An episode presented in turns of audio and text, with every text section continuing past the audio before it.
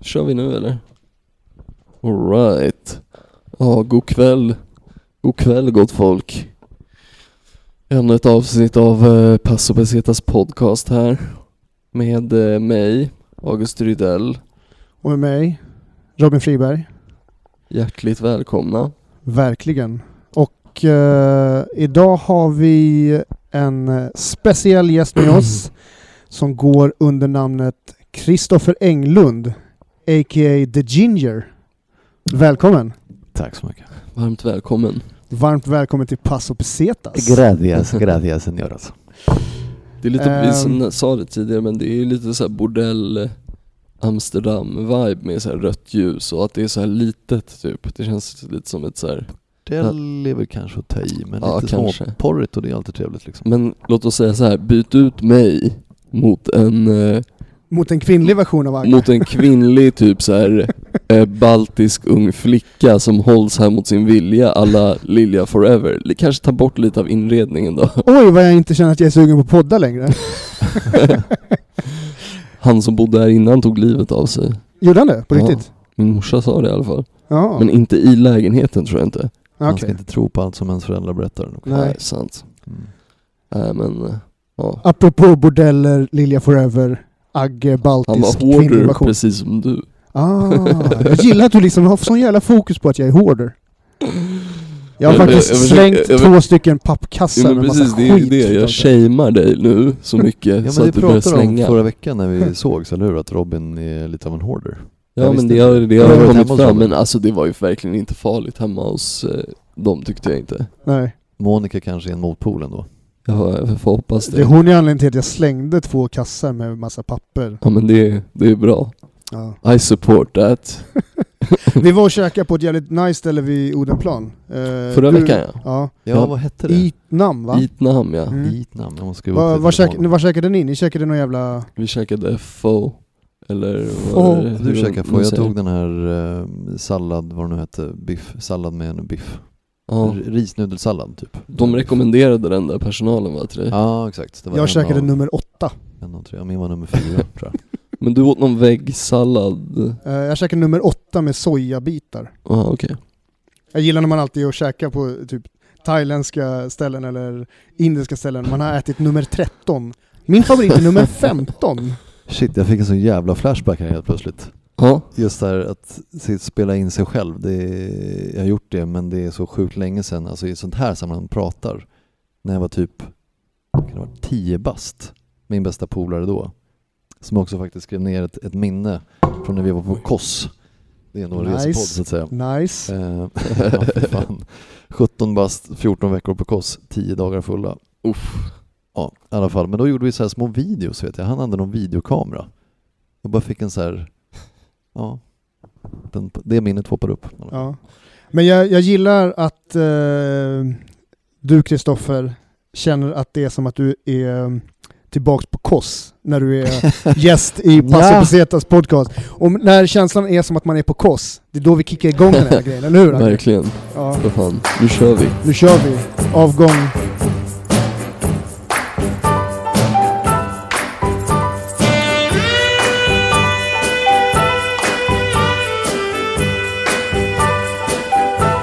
As Pesetas Podcast.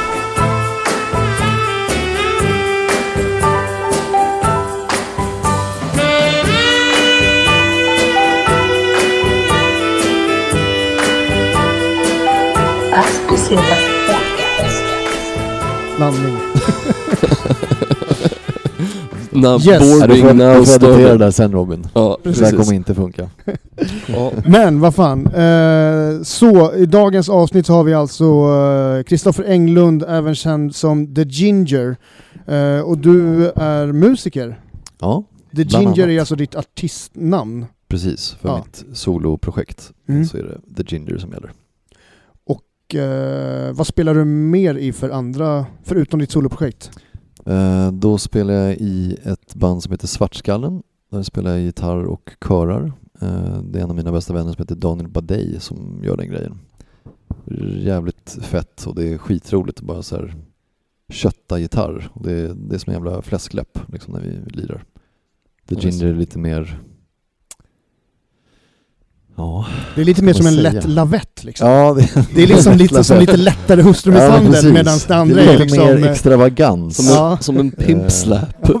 Precis, inte liksom sämre, men det är lite mer um, intrikat. Det finns flera lager där. Det är Ja. mer direkt skulle jag säga, Svartskallen, vilket är jävligt nice. Right. Eh, och sen så spelar jag djembe i ett dubbprojekt eh, med en kille som heter Erik från Sydow.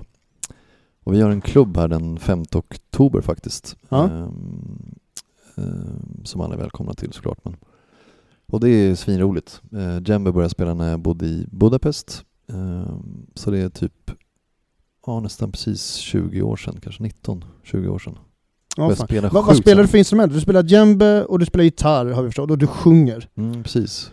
Fast det sista projektet då, som ändå är kanske det som är mest aktivt, Ja. eh, är ett band som heter November Stories. Där jag också frontar och spelar gitarr. Du har fyra musikaliska projekt på gång alltså? Ja, precis. Shit. Nice. Men det är ju bara, liksom, det är November Stories, vi ses i stort sett alltid en gång i veckan. Mm. Eh, Svartskallen har jag gjort tre gig än så länge. Och så har vi haft kanske två eller tre rep, rep inför de giggen. Så vi har alltså spelat ihop tio gånger.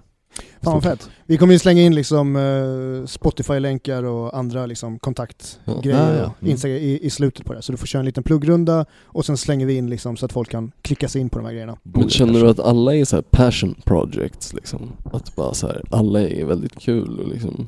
Ja, absolut. De är ju, de har, alltså det är ju skönt att få göra olika saker, det är det som är det roligaste. Även om det liksom är mest gitarr och sång, det är ju liksom tre av dem, så är det ju så. Mm.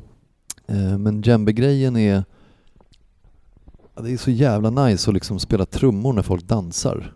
För det är väldigt dansant musik. Jag gjorde det också Ja. i Budapest, för då spelade jag också trum, alltså trumset med ett afrikanskt band. Ja, nice. Ehm, och som sagt, det är en historia i sig. Ehm, Afro Joliba. Vi- Fan, Ehm, Men djembe-grejen, det var en, jag tror det var en polare till någon av de här i Afro Joliba som hade en liten ehm, grej på min skola där jag gick. Ehm, och tyckte det bara var jävligt häftigt. Men det, det låter så jävla mycket. Alltså volymen är så sjukt stark från en sån trumma så det går liksom inte att bara spela hemma lite grann. Utan man måste gå Nej. till en replokal eller ja, sådär. Så det, är- det är gött att sitta och hamra. Djembe, är de som är lite, lite mindre trummor? Eller är de här, eh, alltså de här relativt breda som du håller, Ja, de är ganska stora. De är väl du håller kanske... runt benet liksom? Ja, typ, eller måste precis. hålla mellan låren? Ja, Exakt.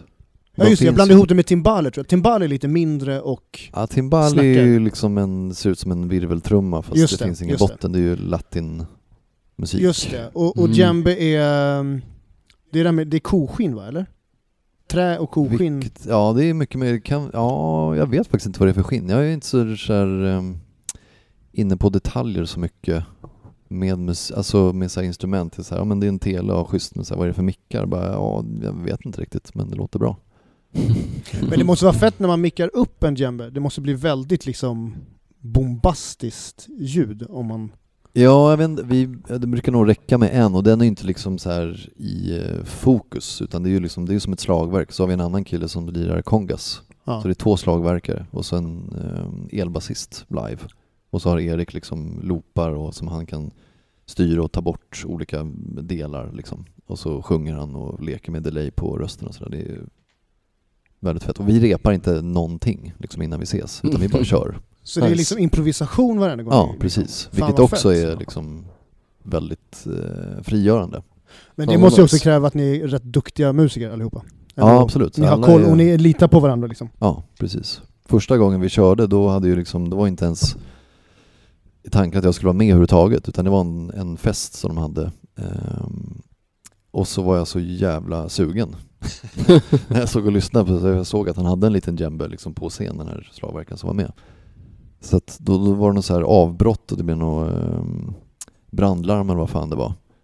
Så det blev som ett, ett avbrott. Och då i den pausen, då hoppade jag på scen. För jag frågade någon på scen, så var det lugnt om jag hoppar in? Och han bara, ja det är väl, det är väl okej. den för kyligt gjort ändå. ja, exakt. Eh, och sen sätter vi igång igen och Erik bara, fan det är någonting som låter coolt här, bara, men jag vet inte. Så bara, jaha, er, eh, Stoffe sitter där bak och gör djembe. Ja, ja, ja, det var bra. Fan vad soft. Mm. Ja, fan, men du nämnde, vad heter det, Budapest. Eh, Mm. du har alltså pluggat i Budapest eller? Ja, precis. Ja. Ehm, Pluggade du musik där eller? Nej, det var ju gymnasieskola. Så jag gick alltså två år på Nackgymnasium och sen så fick min styvfarsa erbjudande om att jobba i Budapest. Ja, okej. Och då hängde du på liksom? Ja, han så illa jobbade... tvungen kanske? Nej, verkligen inte. Nej, han jobbade på Ericsson och eh, så det var tanken att vi skulle vara där ett år, var det sagt från början. Ja. Och då hade det precis tagit slut mellan mig och min dåvarande tjej. Tagit slut. Hon hade dumpat mig.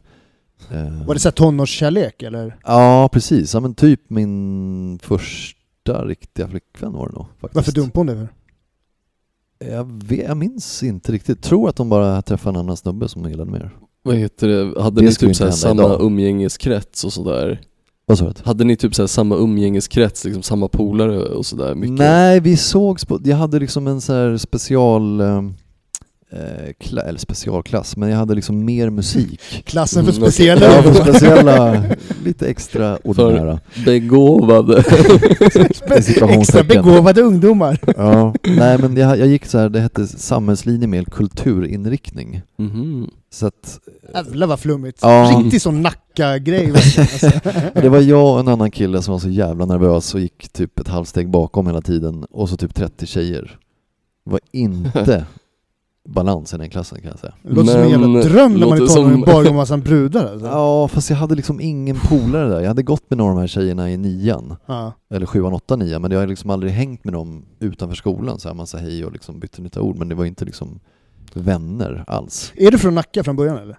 Ja, upp, ja precis. Ja, okej. Men det är ju inte direkt så att man hade så bra game då heller, man var ju inte direkt så här så självsäker runt brudar, inte jag i alla fall alltså, så här, Nej, inte jag heller. Fan, jag Men visste inte blev vad jag skulle alltid- snacka med dem om liksom riktigt så här, som var i ens klass. Alltså, så här, visst, man lärde känna dem lite sen men jag vet inte.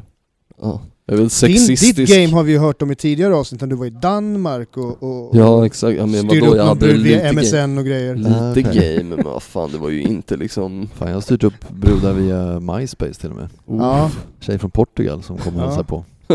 MySpace Österrike, det är allt jag har att säga. Alltså, Ingen, jag säger ingenting mer än så. Ah, okej, Nej fan MySpace, fan bästa sajten i internets historia tycker jag. Uh, jag hade Ja. inte ens MySpace, jag kan inte uttala mig tyvärr. Jag kommer Jag ihåg, att eh, ni, är vet, ni vet den svenska rapgruppen Kartellen? Eh, ja. ja, sådär. Jag, så Ja, här, de upptäckte jag via MySpace faktiskt. Är det med Frej Larsson, Kartellen? Nej? Frej Larsson har inte varit med i Kartellen. Sebbe Stax däremot har varit med i Kartellen. Ah, Okej. Ja, i rapscenen har jag dålig koll på, även om jag gillar hiphop också. Och, Ja. ehm, men lyssnar inte lika mycket på det som typ, ja, någon slags elektronisk pop, typ. Ja. Det jag lyssnar på mest. Men tillbaks till, eh, till Budapest. Mm. Eh, där bodde du alltså? Ja, precis. Och Så- du är ganska unga år ändå. Ja, att bo i ett annat hade land kan man tycka kanske. precis fyllt 18 i stort sett. 97 flyttade vi dit. Ehm, som sagt, så det har tagit slut mellan mig och min tjej jag trivdes liksom inte speciellt bra i min gymnasieklass. Det var bara så här, jag hade inga polare och så hittade jag inte mina andra polare som gick på andra linjer. Det var en ganska stor skola med så här 2000 pers kanske. Då gick jag in i något musikrum typ och så här, spelade trummor eller ja, något.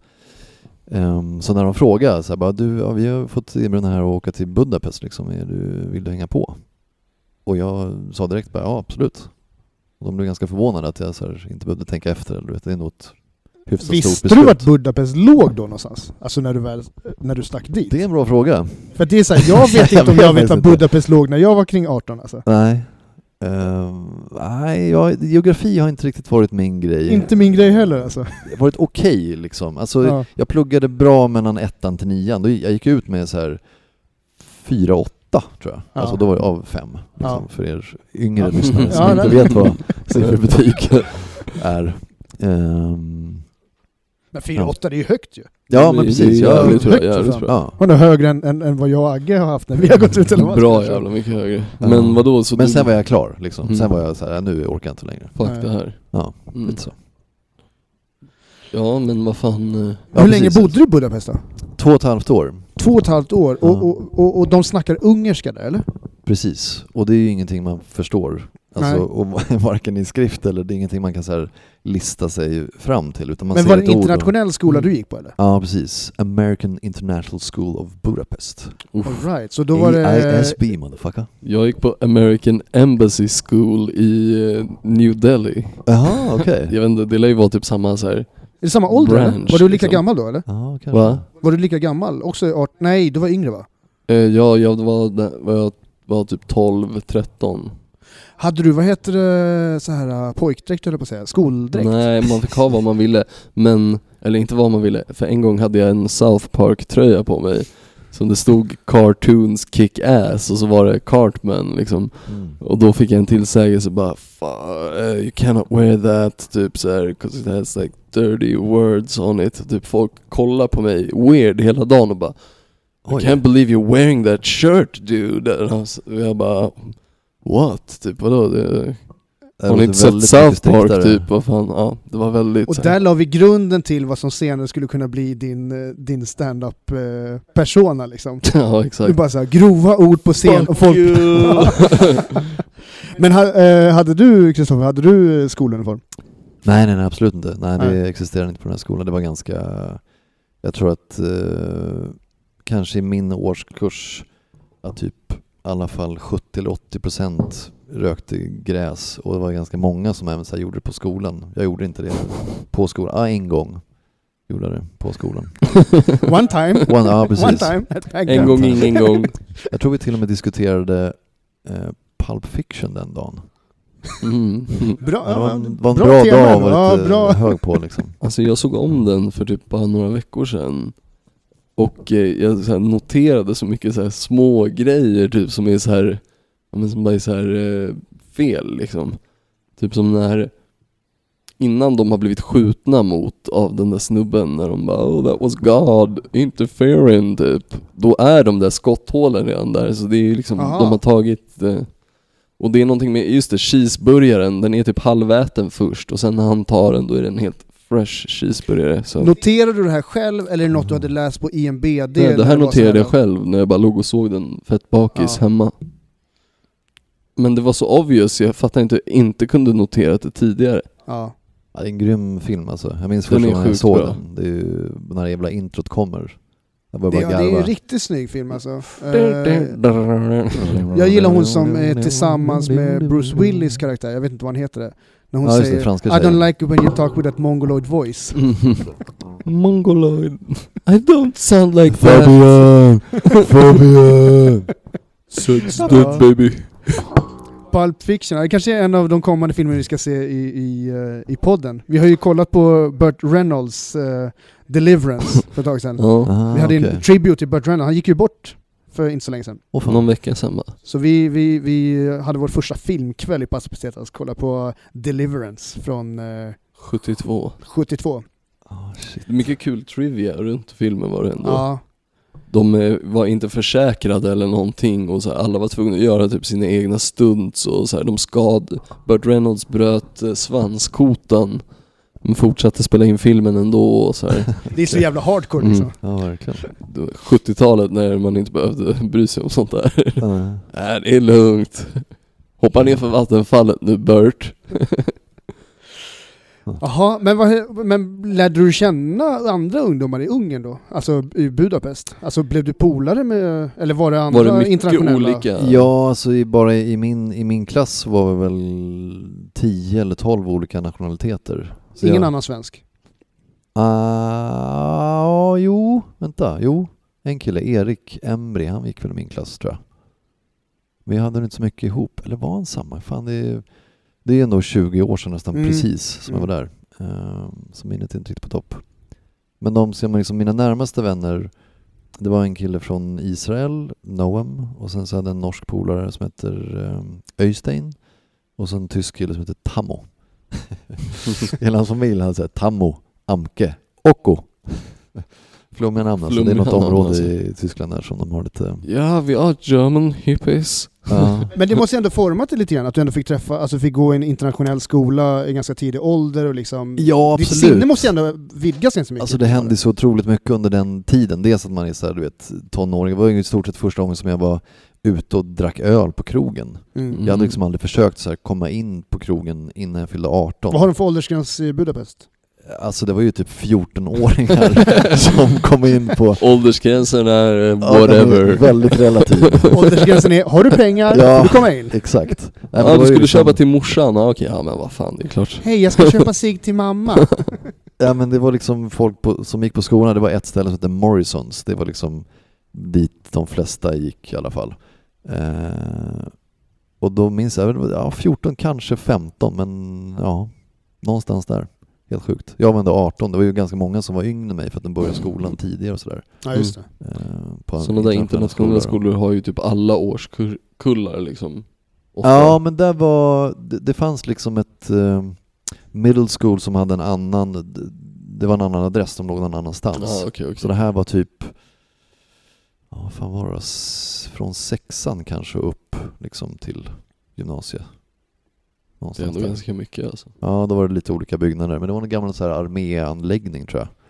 Eh, militär anläggning eh, som de hade sidan. Så det var inte jätteflådiga lokaler och sådär. Men det var ju svinbra. Alltså jag har aldrig haft så bra lärare genom mitt liv. Det var grymma Coolt. lärare. Ja. Och det var ju, alltså klasserna var ju för fan privatundervisning. Alltså min engelska klass, vi var fyra pers.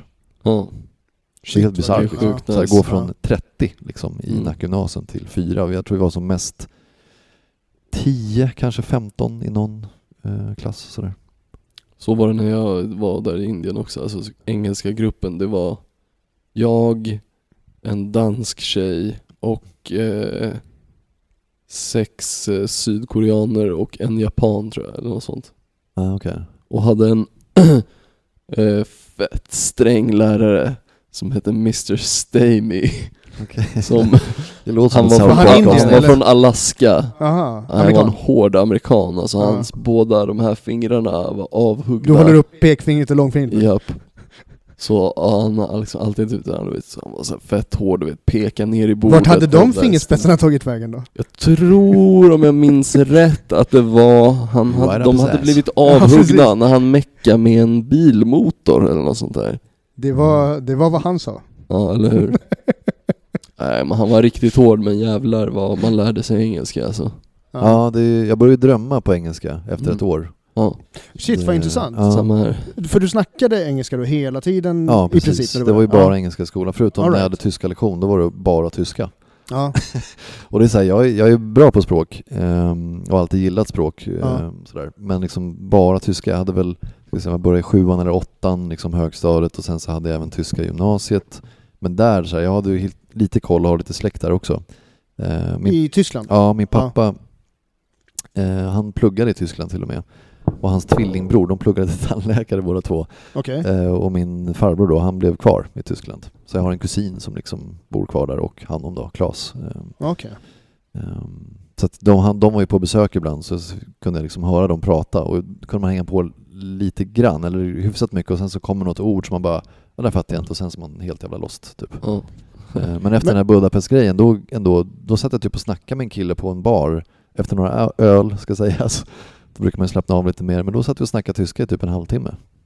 Och vi fattade varandra liksom. Ah, shit, men, men kan du fortfarande snacka liksom tyska flytande? Ja, kan du ta upp en, en, en, en, en, manual till... eh, Jag kan ju läsa och liksom att det kommer låta bra när jag läser. ja, Absolut. Jag har Fan, bra uttal grymt. ofta. Det är väl Ja. här musikaliskt öra.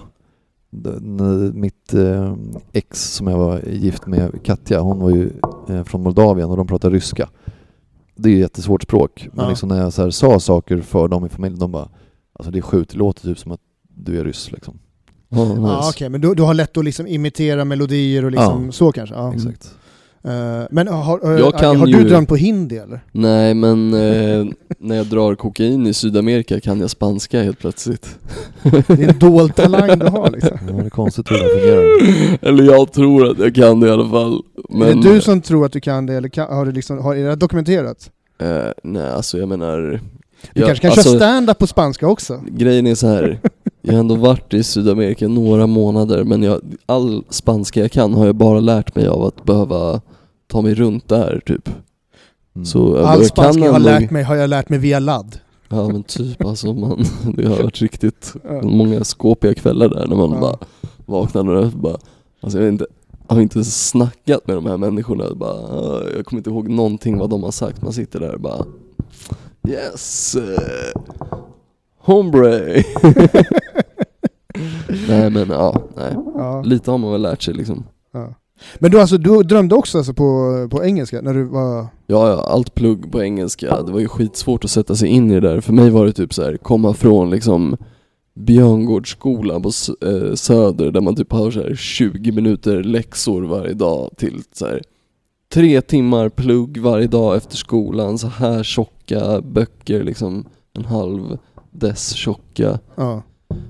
Eh, Ha, så här, ha skåp, bära med sig alla sina svintunga böcker och sånt där skit så det var ju verkligen en jävla käftsmäll att börja Ja. där men jävlar vad man plugga och blev smart typ. men Ja, det var det- nice här i efterhand.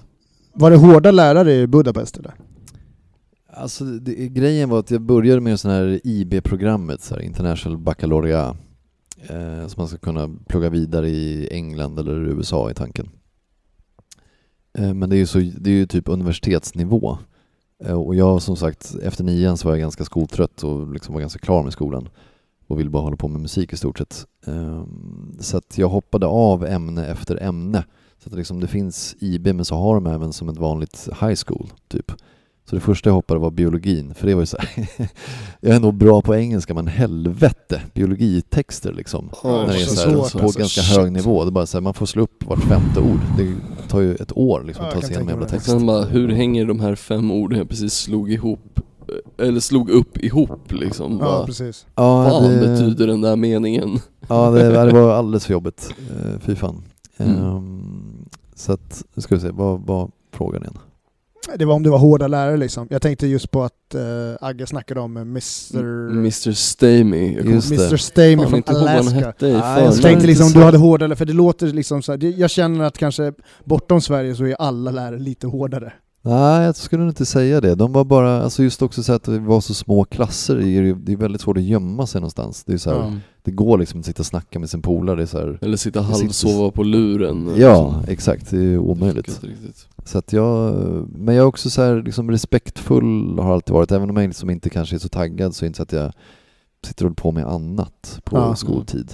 Ehm, Man, man eh, dagdrömmer bara iväg i huvudet, även fast man sitter typ och stirrar på tavlan. och Dagdrömmar liksom- är sällan någonting som jag gör heller faktiskt. Aha, Okej, ja, Aldrig det, var det gjorde jag bara, du vet när man man stirrar rakt fram men man har sömnat ut helt liksom. Ah, okej. Mycket sånt och ligga ner på bänken. jag, jag hör vad...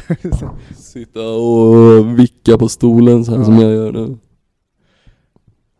Eh, men jag, vad, hade du börjat skriva musik i den åldern? Ja, alltså jag skrev väl min första låt eh, när jag var typ så här 14, alltså efter något halvår kanske, eller åtta månader efter jag började Var den spela på engelska eller på svenska? Den var på svenska. Minns du vad den hette? Eller vad den handlade om? Nej, jag kommer Nej. ihåg första riffet, liksom jag får en Ja, okej, gitarr. Ja. Någonting välkommen hem, det är sommar idag. Ja. Det var första raden här för mig. Men sen så den som jag, jag skrev en låt som så här fortfarande är, ja det är väl lite små eh, catcher som jag typ spelade Ja. på ettan eller tvåan i gymnasiet, avslutningen där. Fly High heter den. Mm. Mm, ja. Ja. Cesus 4C Ja. till Gustav och sen Cesus 4C Ja, till ja. A-moll. Ja, här är kul att ändå kan den liksom. Ja. Kan ackordbeteckningen. Nice. Ja. var grymt. precis. Eh, all right. Och sen så då, eh, då sticker ni därifrån till Budapest. Ni flyttar tillbaks till Stockholm? Nej? Eh, ja, så vi bodde där så att det blev förlängt. Det skulle bara vara där ett år. Eh, men det blev förlängt till två. Och sen så flyttade mina föräldrar hem, men jag hade liksom ingenting att komma hem till sådär direkt. Mm. Så här, jag hade ju några, några vänner och liksom min familj så, men det var inte så att jag hade något jobb eller någon plan med mitt liv. Jag hade faktiskt tänkt att eh, gå med i eh, det militära eller typ göra lumpen. Oh Eh, shit. Ja, ville just jag. Ja, ja. Ja men hur fan, vad, vad hände där då? Alltså för i den åldern, du- fick du mönstra i Sverige? Nej, jag mönstrade, ja absolut, jag mönstrade i Sverige. Det var väl, jag vet inte om det var innan vi flyttade dit eller om det var emellan, alltså vi var hemma eller att jag liksom fick åka, åka hem separat men fick för du någon frisedel eller vad fan hände med Nej den? men det var då de höll på att liksom lägga ner massa regementen. Så Ja. min tjänst, det var det så här, det regementet det skulle inte vara med längre. Ja okej. Så att det är väl någon slags reserv eller något sånt där. Men, Agge, eh, jag behöver väl inte ens fråga om du ens har gjort lumpen, eller hur? Jag gjorde lumpen tre veckor. Du har... ja. Fan, jag, blir, fan jag blir nästan lite imponerad och även lite förvånad. Tre veckor, okej. Ja, visst. Ja. I Karlskrona. Åh fy fan. Men sen, eh, vart jag hemskickad när de såg mitt, eh, vad heter det, eh, brottsregister. Okej. Så de bara, De tyckte inte du var lämplig eller? vi skulle gärna ha kvar dig men tyvärr det är mot reglerna. Gärna inom citationstecken då. Nej men jag har nog blivit rätt bra alltså. Du är jättebra på många Fan, sätt, men jobb- vi vill inte ha dig här. Nej, alltså Ja, ja men alltså fan jag är glad över det så här i efterhand alltså, så här. Ja. Ja. Jag, jag kan känna så här, jag skulle vilja ha gjort lumpen nu i efterhand. Jag, jag vet inte om jag har berättat om det förut. Jag, jag, jag hade ju eh, den alltid omnämnde Charlie som förebild. Han hade ju Mm. tagit sina mönstringspapper och slängt i soptunnan det första han gjorde. Ja okej. Så det, det kände jag, jag ska göra precis som Charlie. Eh, så jag vägrade också svara på den här mönstringsgrejen. Ja okej. Mm. Eh, sen blev jag ju, var jag tvungen att skriva på papper. Det kom en, en, en, en eh, ouniformerad polis till eh, min praktikplats i gymnasiet och eh, gav mig ett papper och sa här måste du skriva på att du har tagit emot den delgivningen om att du ska åka och mönstra. Okej, sa jag. Och jag tyckte så synd om den här snuten, för det är så här, är det här ditt jävla jobb? Måste du åka ut till bångstyriga liksom, ungdomar som inte vill göra lumpen? Och så där. Men, men jag var väl så här, jag skulle ju totalvägra, jag tyckte att det var, var coolt. Även Ja, fast okej. totalvägra inte ens var ett ord. Nej, jag tänkte mer såhär, jag ville mest så här, prova, på, prova på det för att det lät ändå intressant på den vänster. Eh, och sen så få, få, få lite mer disciplin.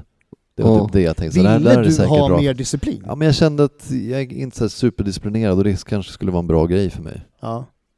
Eh, ja, och på den vägen Alltså jag så att köper det, det är jävligt intressant att du tänkte så i så ung ålder ändå. Kan jag tycka. Ja, kanske. Men jag, ja.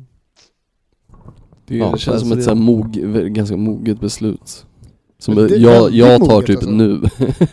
ja, men jag tror att jag, jag vet inte vad. Jag har, väl, jag har nog sett mig själv som att, att jag varit ganska mogen för min ålder sådär när jag var yngre. Eh, vad det beror på vet jag inte riktigt. Men.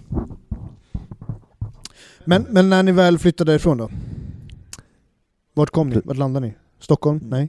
Ja, absolut. Men grejen var då alltså så att de flyttade hem eh, och jag stannade kvar och bodde med min eh, tyska polare i typ ett halvår i stort sett. Alltså i hans familj. Hans familj hade liksom två lägenheter ovanpå varandra. Han jobbade på Unilever, med så stort ja, företag och hon var hemmafru och tog hand om barnen. De hade två liksom yngre barn. Mm. Ehm, så att, och där bodde jag, men sen så försvann han efter bara två, tre månader så han började plugga i Kanada. Så Okej. då bodde jag Mm. själv i den här underlägenheten eh, ett tag. I hans familjs... Ja, i, Ja, i ett halvår. Ehm, och sen så då efter ett halvår sen så bara, det, det, det är kanske är dags för dig att hitta liksom en egen lägenhet. Vi hade inte betalat liksom hyra ens där. Oj. Oh, Ja, nice. soft. Vilken dröm. Ja. Ja, det var jävligt nice. Eh, men då flyttade jag in till min, en lärare som jag hade eh, och bodde där i typ Där behövde jag inte heller betala lön. Han tog ut lön på ett annat sätt. Ja, exakt. Inga konstigheter. Hade du något extra jobb eller gjorde du något sånt när du Ja, alltså jag jobbade, delvis så spelade jag då trummor i det här bandet och vi fick väl in lite gage här och var, inte jättemycket men liksom lite grann. Eh, Men sen så jobbade jag eh, som musiklärare, så jag undervisade i Aha. gitarr och trummor och sen så hade jag en, en hel grupp med liksom lärare som ville lära sig djembe. Det var väl det var nog den gruppen där Nice. jag liksom fick in mest deg, för de var ändå så här fem, sex pers. Och de så här, alltså folk har ju pengar som jobbar där, det, det kostar ju också ingenting liksom, bo i Budapest.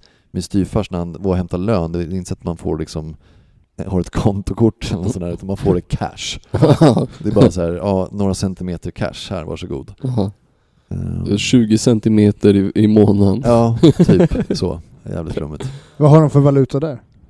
Uh, Eller vad, du kanske inte minns. Det är ju jävligt länge sedan också. Mm. God damn. Det var sedlar i alla fall. Ja, det var senare. Nej, jag minns fan inte vad Ja. heter.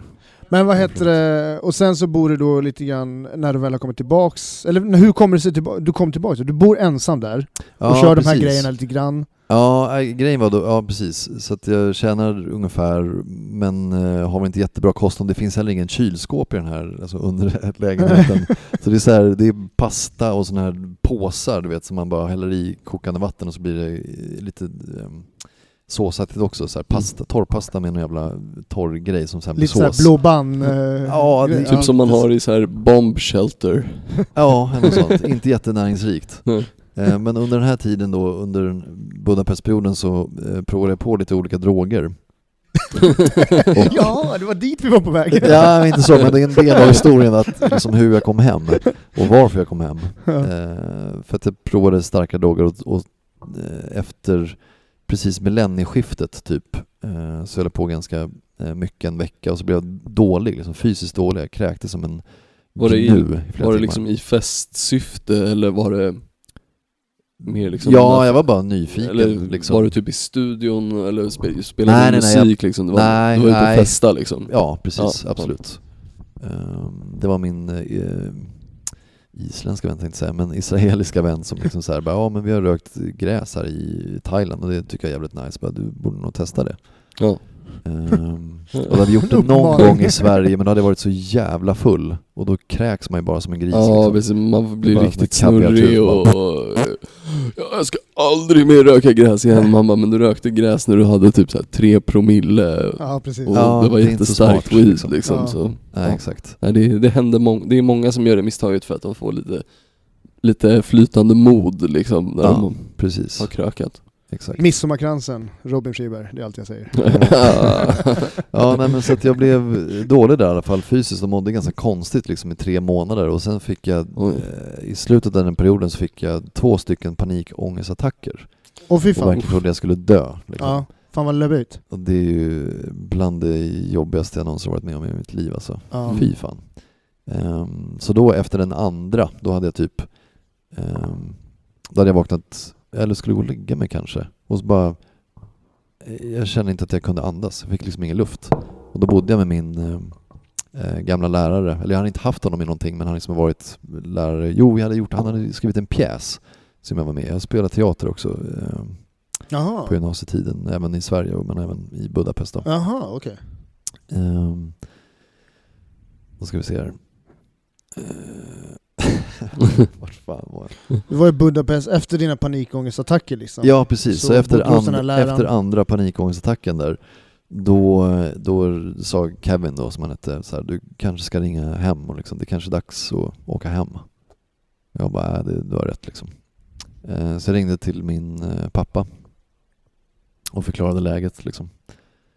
Eh, och då sa han så, ja men då får du liksom sätta dig på ett, ett flyg då och, och ta dig hem. Och då är så här, under den här tiden så jag kunde liksom inte ens gå på toaletten och ha stängd dörr. Alltså jag var, mådde inte bra. Jag var nojig och hade så här Det började liksom göra sig, och, alltså känslorna liksom... Ja, men jag hade det flashbacks från eh, eh, ol- olika trippar som jag hade haft. Ja. Eh, sådär. Bara såhär obehagskänsla liksom. Ja precis, känna- och du vet när man, inte, när man är helt nykter men fortfarande Mm. känner sig som man är påverkad, den är jävligt obehaglig Det- också. Nej, ja, Du vet, man bara, ligger och ska fan- sova på natten och så bara, fan det är någonting som rör sig där typ. Ja shit, ja, Alltså, nej såna fy fan. Hallucinant eh, vibe. Jag har aldrig fått en helt utblo, vad säger, jag, ut, eh, panikångestattack men det var också efter en festival i Australien. Ja. Det var precis innan jag skulle flytta hem, när jag hade varit där ett år så hade vi varit på en festival och festat så jävla hårt, alltså typ inte sovit någonting på fyra dagar i så här 35 graders värme och bara glidit runt och trippat på syra i typ så tre dagar. Och bara helt mentalt förstörd och jag hade typ inga pengar egentligen att flyga hem. Jag skulle till Thailand och var där tre veckor och bara så här Mm. jävla mycket ångest över massa grejer samtidigt som jag är helt uttömd på alla nice kemikalier i hjärnan liksom som en jävla, någon har bara vridit ur min hjärna som en svamp. B12, Ja. det som Ja. ryker först tror jag. Så jag bara låg på soffan hemma när vi hade kommit hem och bara också bara kände så här tryck för bröstet bara Att jag typ inte kunde liksom ligga still knappt, jag bara jag, kommer typ, jag, jag visste inte vart jag skulle ta vägen typ men ja, jag lyckades Ja, andas mig ur det där och bara ta det lugnt bara, det är, det är fan lugna ner dig nu Ja. Ja, det var det han gjorde med mig också, så här eh, andningsövningar och liksom på med extra täcke för att hålla någon slags värme. Och det Ja. hjälpte ju. Liksom. Ja, bara, jag låg och försökte det- fok- fokusera på något annat, kolla på någon serie och så här. Det Ja. hjälpte ändå lite och, Ja men Ja. då i alla fall efter, efter det där när jag liksom pratade med pappa och han sa ja men då får du väl åka flyg då, det var liksom inte tanken, och så bara tåg bara nej.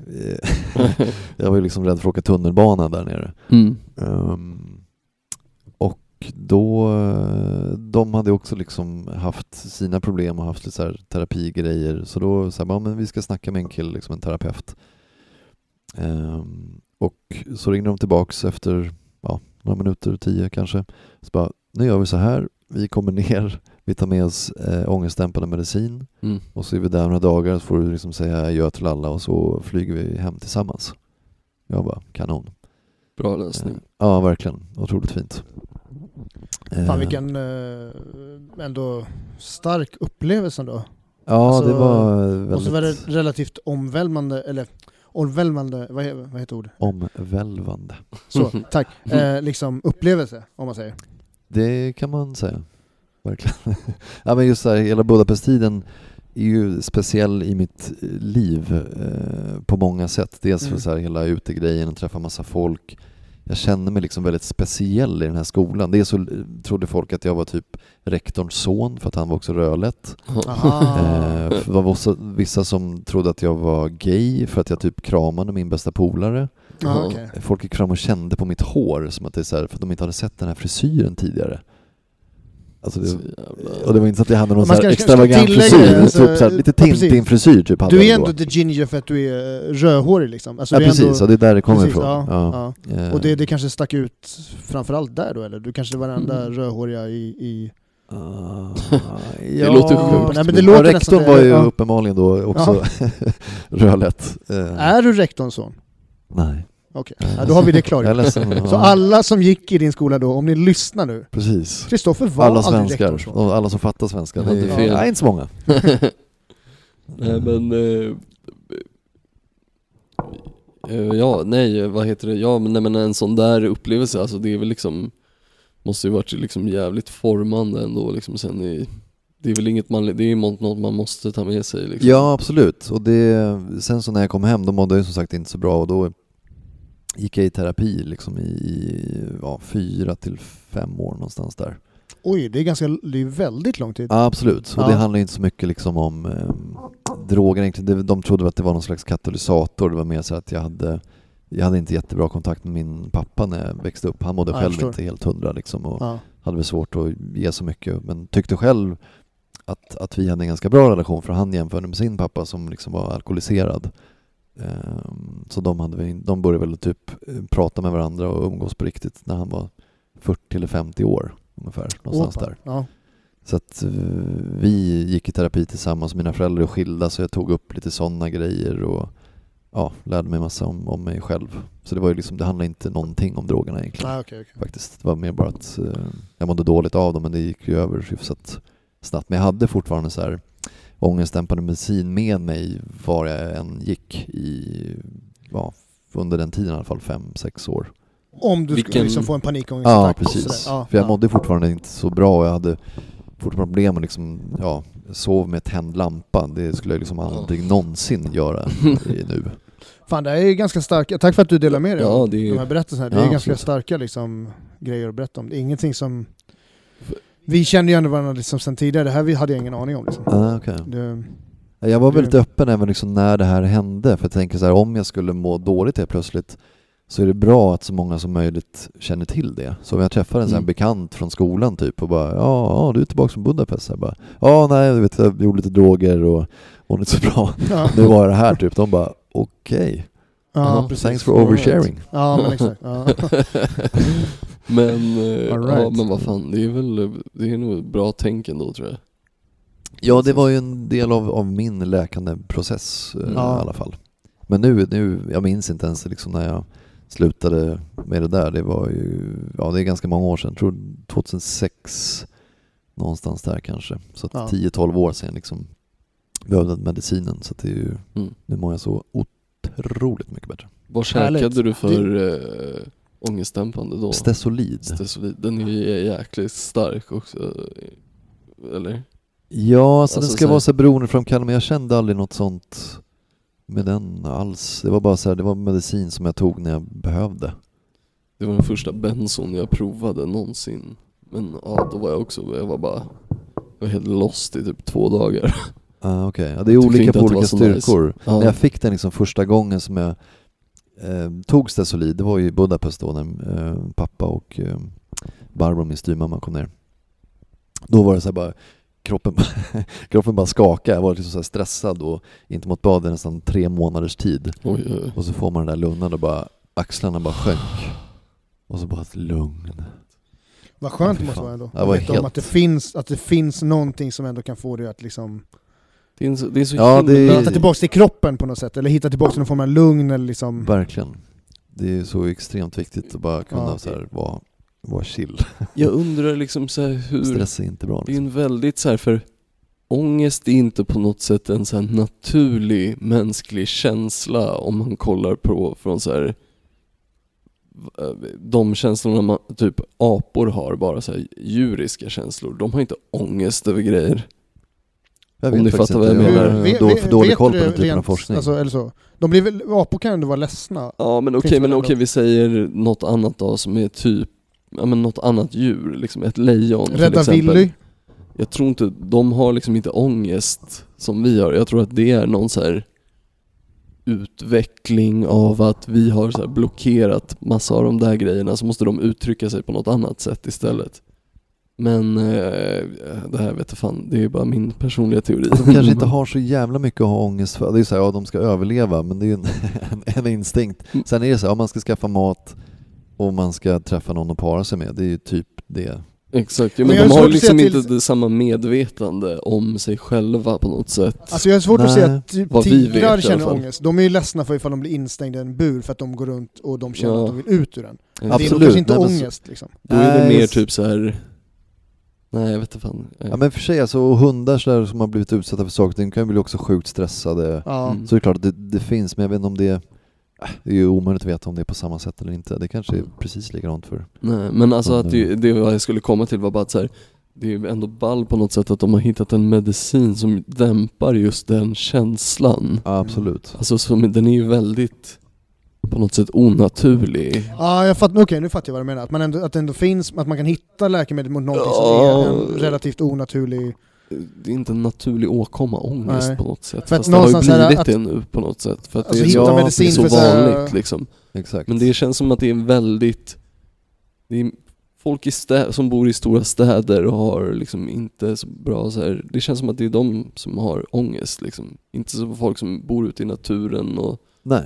Chillar där Exakt. och inte har så mycket problem liksom. Det är så mycket, Men det är ju en väldig stress, alltså dels bara mängden människor omkring sig men även liksom teknologi, att det är mer, ehm, jag vet inte, att man ska ha saker och man ska ha ny TV och man ska ha en bil och det är så här stressande grejer att tjäna pengar Mm. och liksom mycket Köpa massa skit som man egentligen inte behöver. och bara så här, ja, ja man ska ha umgänge och träffa folk och vara Ja, omtyckt precis. och Så länge man kan acceptera bara sin situation, då, är det ju, då finns det ju liksom ingenting att vara orolig för egentligen. Nej exakt. Jag måste ju få puncha in där. Det är ändå Robin som är med. ja. Det är kapitalismen. alltså.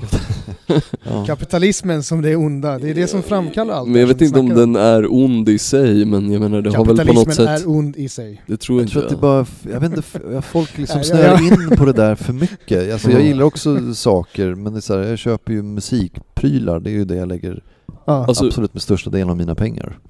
Utan kapitalism hade vi förmodligen inte suttit här och poddat med de här prylarna liksom. Nej, jag tror inte att det jag tror bara att det är folk inte kan hantera kapitalismen riktigt. Nej, det är, alltså, det är ju nog mer en män, ett mänskligt problem än ett fel på systemet tror jag. Hade. Mao haft en podd om han hade fått välja? Folk blir så empatilösa på något sätt. Jag gillar hur du ditchar hela mitt påstående. Jag bara gå vidare, bulldozrar över. Eh, Nej men vad sa du? Nej, jag, jag, jag driver bara. Ska vi ta en liten, eh, en liten eh, dryckespaus? Ja. Då är, vi, då är vi tillbaks efter kiss och dryckpausen. yes. Fantastiskt. Det, det, det här tror jag att det är en av, en av de poddarna där det kissas mest. Alltså. Mm. Eller så är det bara så att vi Jag erkänner att vi går och kissar. Jag sprang ju och pissade under livepodden. Ja, jag vet, det finns, det finns fotobevis på det, det är så fantastiskt. Vi, vi, vi, livepodd, vi livepoddar på Trädgården, sitter på scen med publik. Och mitt uppe i allting så ser jag hur Agge börjar så här, röra sig lite grann. Så jag bara, fan Agge ska du springa iväg och kissa? Nej, säger han. Sen så börjar han börja smyga iväg. Jag bara, nu springer han iväg och kissar så. Han Eller, Ja, han sprang iväg och kissade. Jag bara, Så fan, jag satt kvar där med Johanna Schneider och liksom fortsatte snacka med henne så sprang iväg och kissade. gotta do what a man's gotta do. Ja, Yes. verkligen. eller hur? Men alright, uh, vi, eh, du har precis delat med dig om, om ganska uh, självutlämnande och ganska djupa grejer om, om, om din tid i Budapest, uh, panikångestattacker, stesolid. Mm. Eh, och va- vart kommer vi någonstans då i ditt liv? Du är... Ja, då är rakt, rakt in i Systembolaget. Kom vi sen. eh, I Sverige. Då blev du anställd där? Ja precis, jag kom hem alltså april år 2000 och så jobbade jag i en grillkiosk över sommaren och sen så, eh, det här är lite roligt, både liksom min bror och min syrra har också jobbat på Systembolaget. Ehm, ingen förälder dock. Men då jobbade min brorsa på den här butiken och han hade jobbat där under han pluggade på KTH.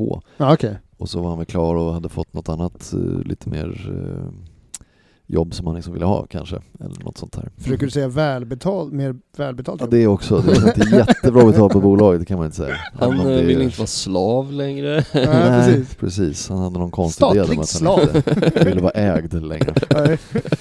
Ehm, och då, jo men då sa han så bara, ja det finns ju liksom en, en öppning där troligtvis så här. Så här, kan du tänka dig det? Ska du söka? Mm. Jag bara, ja absolut, varför inte? Så jag åkte dit, snackade med chefen där. Han sa inte många ord alltså. Det var ju ingen bra chef heller. Men jag pratade med mer och han ställde kanske typ två frågor. Mm. och sen så var det jag som ställde frågor resten och pratade med honom typ. Eh, och det jobbet fick jag och eh, var där snudd på nio år. Rakt av liksom? Ja, från två, ja liksom, när kan det varit då? September tror jag 2000 till typ november 2009. Men vad spännande, då måste du kunna mycket om vin. ja Robin, du jobbar ju själv på Systembolaget. Mhm. Så du kan ju också mycket om vin. Jag eh, har gjort några år på det företaget, ja. Ja, eh, ja nej, men jag, jag, jag kunde, jag var intresserad liksom när jag, för jag gillar att vara bra på det jag gör. Så det är så här, Ja. ja, men det, det är ju nice att gå och åka på kursen. De hade ju en schysst kursgård och eh, var Ja. via där faktiskt. Nej, men absolut, det är ett Spela fantastiskt teater företag. faktiskt. Eh, det är ett fantastiskt företag. Man- får lära sig Jo, jättemycket. på många sätt. Ja, så är det. absolut. Man kan inte alltid ha så tur med chefer, för jag har inte haft så jättemånga som jag tyckt så här, det där är en riktigt bra chef. Jag har haft en, eh, jag kan säga det, jag har en av mina absolut bästa chefer jag någonsin haft under hela mitt yrkesverksamma liv har jag haft inom det företaget. Alltså? Eh, eh, Alltså det är så kul, alltid när vi poddar, någon gång under varje avsnitt ser man hur Robin får lite så här panik och bara Ja, Nej, nu går inte samtalet dit jag vill. en av mina absolut bästa chefer jag någonsin haft är Jesper. Ja, heter okej. han. Ja. Ja. Senare efternamn. Men, eh, så att jag verkligen, jag har lärt mig jättemycket. Uh. Grym snubbe. Uh, jobbade även som ljustekniker åt många band. Han åkte runt en hel turné med Broder Daniel och var ljustekniker åt dem. Gjorde du? Nej, inte jag, men min förra chef. Ja, Ja. vad fan. Vi får se huruvida vi har kvar här som vi snackar om eller inte. Ja, ja precis. Spännande. ja. Eh, All right, men vadå, så efter du då har jobbat statligt så eh, är du kvar i Sverige, eller flyttar du någonstans då?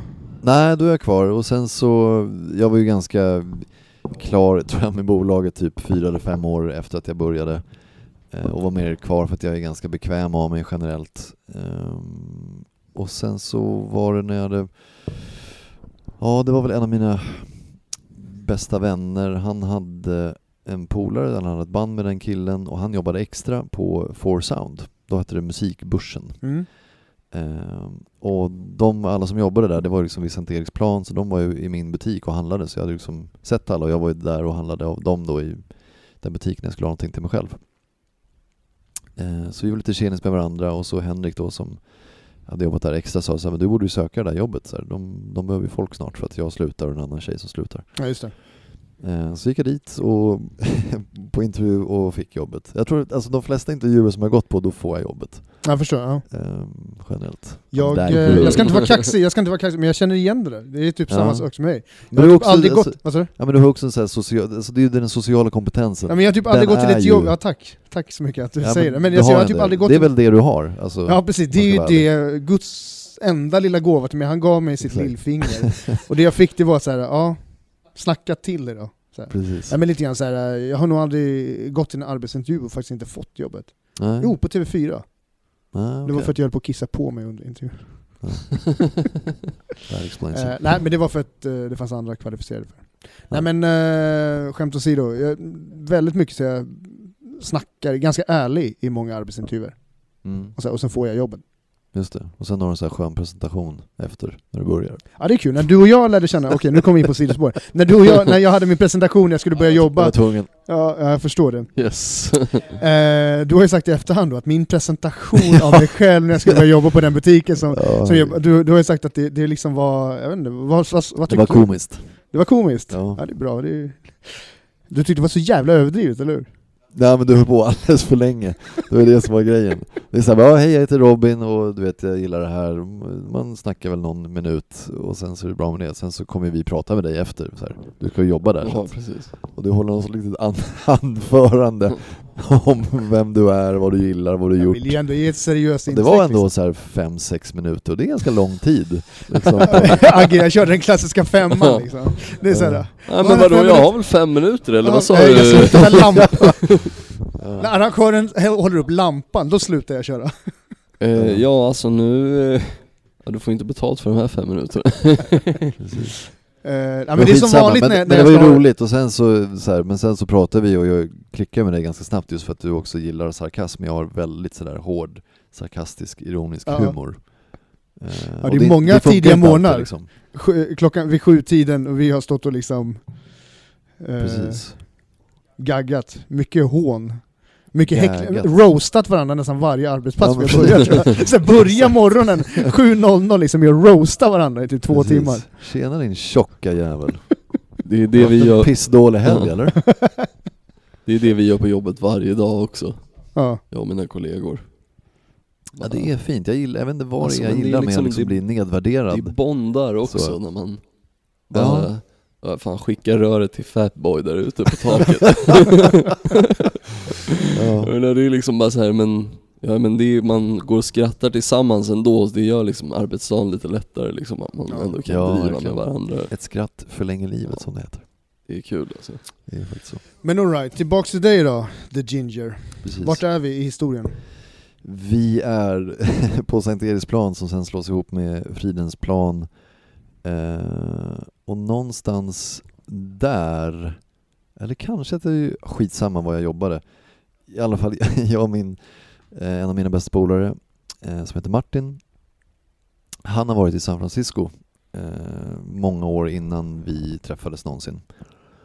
Och träffade en, tjej där, han var där på så här couchsurfing-grej. Så man liksom lånar ut sin egen soffa och så kan man sova hos en annan person som lånar ut sin soffa Mm. i hela Låter världen. jävligt Typ. suspekt tycker jag. Ja, alltså det är ju mycket sexhistorier. Ja men det är det jag menar. Det, det, det är sån jävla ursäkt för att det är så här, ja, jag gillar att resa runt. Det är, My Det couch bara- is down in the basement. Ja. jag hörde att han Fritzl, han också med couchsurfing.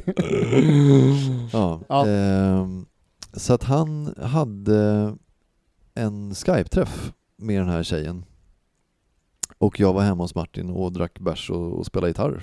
Eh, som vi gjorde ganska ofta. Jag var liksom där snudd på varje dag under något år eller två. När Ja. jag jobbade, han bodde liksom i Atlasområdet och jag ja, jobbade i, typ där. Mm. Ehm, så jag var där och snackade med den här tjejen på Skype om att hon skulle komma tillbaks till Stockholm. För hon hade varit i Stockholm och hälsat på honom en gång men då var han tillsammans med en tjej som var så jävla svartsjuk. Så de kunde typ inte umgås. Så hon hängde med en av Martins polare istället eh, och lärde känna honom. Så det var trevligt. I alla fall, så vi sitter där och snackar med henne och jag bara känner så här, helvete vilken tjej. Då hade jag varit singel i typ tre år. Eh, och... Vilken typ, var hon också musiker liksom? Nej, verkligen inte. Hon är HR, höll hon på med och det gör hon fortfarande. All right. Ehm, Jag trodde du skulle säga HA. Nej hon var HA. ja, nej. Not quite. Nej. Ehm, så hon typ adderade mig på Facebook dagen efter och så chattade vi lite där och sen så blev vi vänner, eller adderade vi på, på Skype och började liksom köra Skype-samtal. Mm. Och det höll vi på med i typ tre månaders tid. Och ja, är ju ganska öppna med varandra och hon, Martin hade någon grej typ att, men, att han trodde att hon var intresserad av honom och han tänkte typ så här, men ha sex med henne, så här. Om hon ska komma hit och hälsa på så kanske vi ska ha sex. Typ. Okej. Det var liksom hans slice upplägg. liksom. Ja. Exakt. Men sen så efter den här plans. tiden så jag Making frågade henne bara, plans. är du liksom intresserad av honom? Så här, för jag börjar få känslor för henne. Och hon bara, nej, alltså nej, alltså, som, han är ju en, min vän, så här. jag kan se honom som en bror nästan. Så här, hon känner sig nära honom, men inte liksom på det sättet. Eh, Men med er var det mer liksom, Ja, Där var det ju, Sparks. ja precis. Så efter tre månaders tid, då kommer hon till Stockholm men hon bor hos mig istället. Ah, En okej. vecka. Och typ dag nummer två så säger jag så här, så här jag tror att jag älskar dig, liksom, eh, Oj! sådär. Och hon säger samma sak. ja shit. Ehm, ja.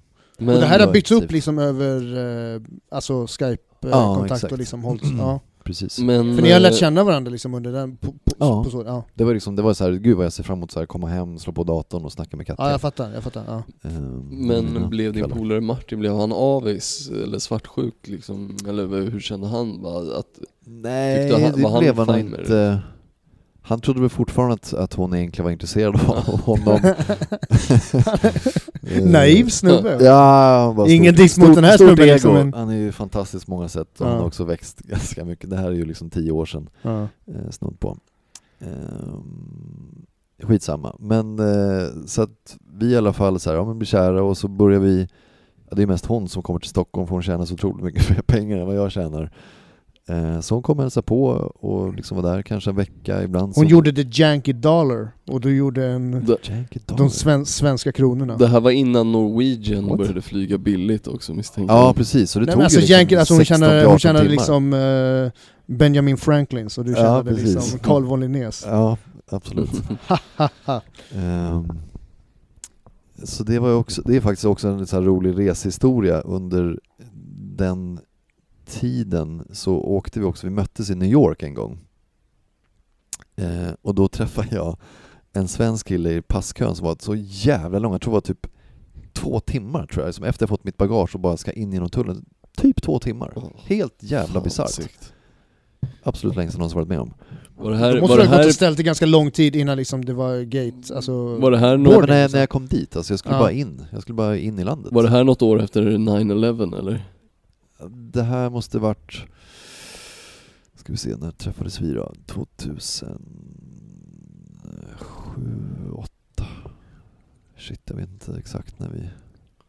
Ja men då, då hade du ändå börjat, det är hög säkerhet i Så USA i alla fall. 2014, 2014 så flyttade jag ju dit, till San Francisco.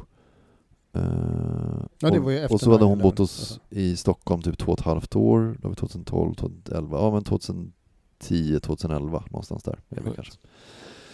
Ehm, I alla fall så träffade jag en, en svensk snubbe jag började prata med.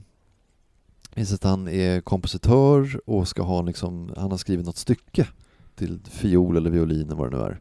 Och ska uppträda typ inte jättelångt från där vi har vårt hotell. Så det är typ dagen efter då ska han uppträda. Eh, så här, men det kan vara kul att kolla på. Det var, någon, det var Svenska kyrkan eller någon svensk någonting eh, som är där. Och det är, så, alltså det är bland det märkligaste sett i musikväg. Okej. Helvete! På vilket sätt då? då? Alltså det är så här, det kommer in typ, ja, han har något stycke fiol och det var väl okej, men sen så kommer det in en person som ska spela oboe och Åh! personen bredvid har alltså två Det är ju ganska så här eh, frikyrkligt instrument. Nej, Ja men det är ju används... orkesterinstrument Ja eller hur, det är ju mer Men det är hur man använder det. lite Alltså, och- jazzigt typ. Ja, det kan ju, alltså det är klassiskt eller jazz, det är väl det man har främst. Men alltså det är oboe och sen så är det en person som har två stora frigolitbitar för att skapa ljud. Okej. Och oboen, det är inte så att de liksom spelar melodi bara så är det så här. Slogs de mot varandra? Och så lite Okej, så de här frigolitbitarna de drogs mot frigoliter. varandra, det var liksom inte Alltså, det- puffade mot varandra? då, Ja, men avantgarde, eller vad fan man kallar det. Men Ja. inte så melodiskt om man säger så. Nej. utan- Nej, jag gillar det, Ja, jag, jag gillar grejen. Ja, Det ska vara experimentellt, Vi, och vi var väl så här någonstans mellan 5 och 10 pers i den här publiken som Ja. kanske tar 50. Och vi hade väldigt svårt att hålla oss för garv kan jag säga. och det är så här, man får liksom inte börja skratta och då blir det ännu roligare. Ja. Ja. Eh. Måste gå ut i pausen och skratta av sig lite typ. Ja, Hur hamnar vi så. här nu helt plötsligt? Ja men det är för att jag och Katja liksom flyger fram och tillbaka så det är ändå en, det är väl en podd om resor va? Ja precis. Nej men eh, Ja. ja. ni möts i New York, det är väl typ halvvägs nästan får man säga. Ja men lite så, typ så. Ehm, men sen så, precis, sen så när vi så här, men vi vill verkligen eh, vara med varandra. Så då, och då började väl hon kolla upp, var mycket bättre på administrativa uppgifter så att säga. Mm. Ja. Ehm, och då är det liksom mycket lättare för henne att flytta till Sverige än för mig att flytta till USA. Det är så här, för mig det. att flytta till USA, då måste vi gifta oss och det var, vi var inte där. Så här, vi har precis träffats, så här, ja, vi älskade varandra men Mm. Gifta sig känns det lite- gör man inte så här. Det är ju ändå juridiskt bindande liksom. Ja, det är ju ganska, precis. Särskilt där är det ju särskilt lagarna ganska eh, hårda liksom för vad som gäller vid skilsmässor och sånt där liksom, hur man ska dela upp allt så här. Ja, det kanske är. Jag, jag gifte mig med, med henne några år senare Ja, okej, ja. Mm. i USA då. Ehm, men i alla fall, så hon kommer hit och bodde i Sverige två och ett halvt år. Ehm, och sen så var vi på någon resa i San Francisco. Jag bara, hon hade liksom så velat gifta sig, det hade varit en, en dröm för henne och jag var så öppen, så här, men det är väl säkert kul men ingenting som jag känner att jag verkligen behöver. Nej. Men jag kände så här, jag vill vara med den här kvinnan liksom resten av mitt liv. Mm. Så jag eh, friade. Och då när jag hade gjort det, då så här, efter det började vi diskutera. Men så här, Hur gjorde vi... du själva friandet liksom? Hur, hur, hur, hur, Frieriet. hur, hur sa, sa du bara så här rakt av så här? Ja, vi var, Ska vi gifta oss eller? ja, vi var uppe i en, i en, på en restaurang, eller liksom eh, barkrog som är ganska häftig i San Francisco. Eh, vad heter den då? The Eye kanske? Heter den det? Nej. Ja, det ligger i centrala San Francisco. Det är Mm. liksom högt upp och man har en jävla utsikt. Ehm, så att exakt, jag gick nog inte ner på knä utan vi bara satt och så ställde nog bara frågan liksom, om hon ville gifta sig. mig. För Men du hade, jag- hade du typ så här ring på dig då? Hade du liksom så eller? Ja, det... Ja... Nej, det vet jag fan om jag hade gjort då. Fixat en ring. Jag hade liksom så här kollat, stå, ja kanske. Mitt minne är liksom ganska dåligt Mm. och ibland Ja, så nej, är det det, var, det extremt var bara en detalj, jag ville bara se liksom hur- konstiga saker som jag Ja. minns jättebra, vissa bara, nej jag minns inte riktigt. Och det är kanske är en konstig grej att inte minnas just den. Men jag vad, svarade hon Men då? det Det, minns du i alla fall. Ja, hon svarade ja. Hon svarade ja. Ja, precis. Jo, det gjorde hon. Eh, Coolt. Coolt. Cool. Coolt. High five! eh, så att då, vi började liksom prata om så här, men då skulle du faktiskt kunna då skulle vi kunna flytta hit då, till San Francisco. Ja, just det. Då, för hon hade ju sin familj där och liksom vänner och sådär. Ja. Och hade bott där som hon var 14 bast. För henne måste hon måste ju kunnat fixa ett bra jobb där också liksom jämfört med i Sverige, alltså så enklare och sådär. Alltså hon fick ganska bra jobb när hon, när hon flyttade Jaha, hit. okej. Inte via Arbetsförmedlingen då, för Nej. de sa jaha du är liksom från ett Ryssland? Ja, alltså städjobb. Nej, men vad. Och det är, inget, liksom, det är det de säger på Arbetsförmedlingen, ja, för, till henne i alla fall. Alltså det är ju så bisarrt. Hon är ändå vad så här, sjukt. hon var ju då hon väldigt väl hand- ut, alltså väl, högutbildad, Väldigt jobbat så, ja. högt liksom. Precis, ja. innan hon flyttade hit så är det så här, hon har hand om typ 300-400 pers på en reklambyrå. Ja, precis. eh, som Väldigt ganska högt kompetent uppsatt HR, person. Väldigt kompetent. Ja. De bara, ja men städjobb kanske? Ja. Hon bara, ja tack. Jag tror jag fixar me? Förstå, jobb. för, det är likadant så här, förstå hur många hjärtkirurger, inte för att det är något fel på att köra taxi, det är inte det jag menar. Men jag menar bara, förstå hur många hjärtkirurger som sitter och, och kör taxi i, i Sverige eller i Stockholm. Ja det är liksom. massa Ja. sånt. Eller liksom så här, som står och säljer ja, Ja, det är väl liksom saker, första, det är så här, när hon faktiskt flyttade hit, då får man liksom en inblick i hur det är att flytta hit. Ja. Och det är ju ändå så här, hon är ändå högutbildad och liksom kan prata och eh, sådär, inte, inte svenska dock men ja. Eh, nej det kan fan inte vara lätt alltså. Nej. Arbetsförmedlingen. Nej, fy Men vad intressant, för då får du återigen en inblick i människor i ett internationellt perspektiv. Jag tänker lite grann Ja. om, om vi kör en liknelse med när du liksom då eh, var i Budapest. Att du, du, har ju ändå, du har ju fått en öppen syn med när det kommer olika nationaliteter, andra plats i världen och någonstans den grejen. För det tror jag att många människor kanske saknar, framförallt i Sverige. Jag tror att många svenskar är ganska inskränkta som är så här, vi har vår lilla bubbla här i Sverige och många tror att så här är världen. Ja, så, det händer ju någonting när man reser och, och träffar folk, framförallt om man liksom är en, en längre tid Ja, någonstans. Precis. Man faktiskt här kommer in i ett, i ett annat samhälle. Det är ju väldigt ehm, eh, givande och liksom man växer som människa. Ja, jag kan tänka mig det. Garanterat. Och liksom, det är också så här att man går utanför sin eh, comfort zone. Mm. Eh, Vad säger man? Komfortzon? ja, men, ja, men absolut, ja. ja. Nej men det är comfort zone liksom, det är såhär bekvämlighetsbubblan Ja men precis. liksom. Ja, Ja. exakt. Och det är ju alltid bra, Mm. liksom att liksom pusha sig själv lite grann. Och det börjar väl då, då med den här Budapestresan, så att, att, Mm. att flytta utomlands. Jag var ändå eh, 30 någonting, 31, 32 liksom, när jag flyttade dit Ja. till San Francisco och hade liksom, jobbade på Four Sound, tyckte mitt liv var väldigt bra. Liksom, jag hade det väldigt bra här. Så det var flera som så här tyckte att, att det är nog ganska strångt i den här åldern att liksom flytta och säga upp sig och liksom inte veta exakt hur det kommer bli. Ja. Ehm, och för mig så var det så här, ja, det kändes inte som en jättestor grej. För det som du är inne på nu, Kristoffer, äh, Agge, du har ju varit inne på det också tidigare, för du har ju snackat lite grann om, om, om, om, människor, om alla människor fick en chans, eller om alla som fick en chans att åka världen runt liksom, och se, träffa andra, så skulle det kanske inte finnas...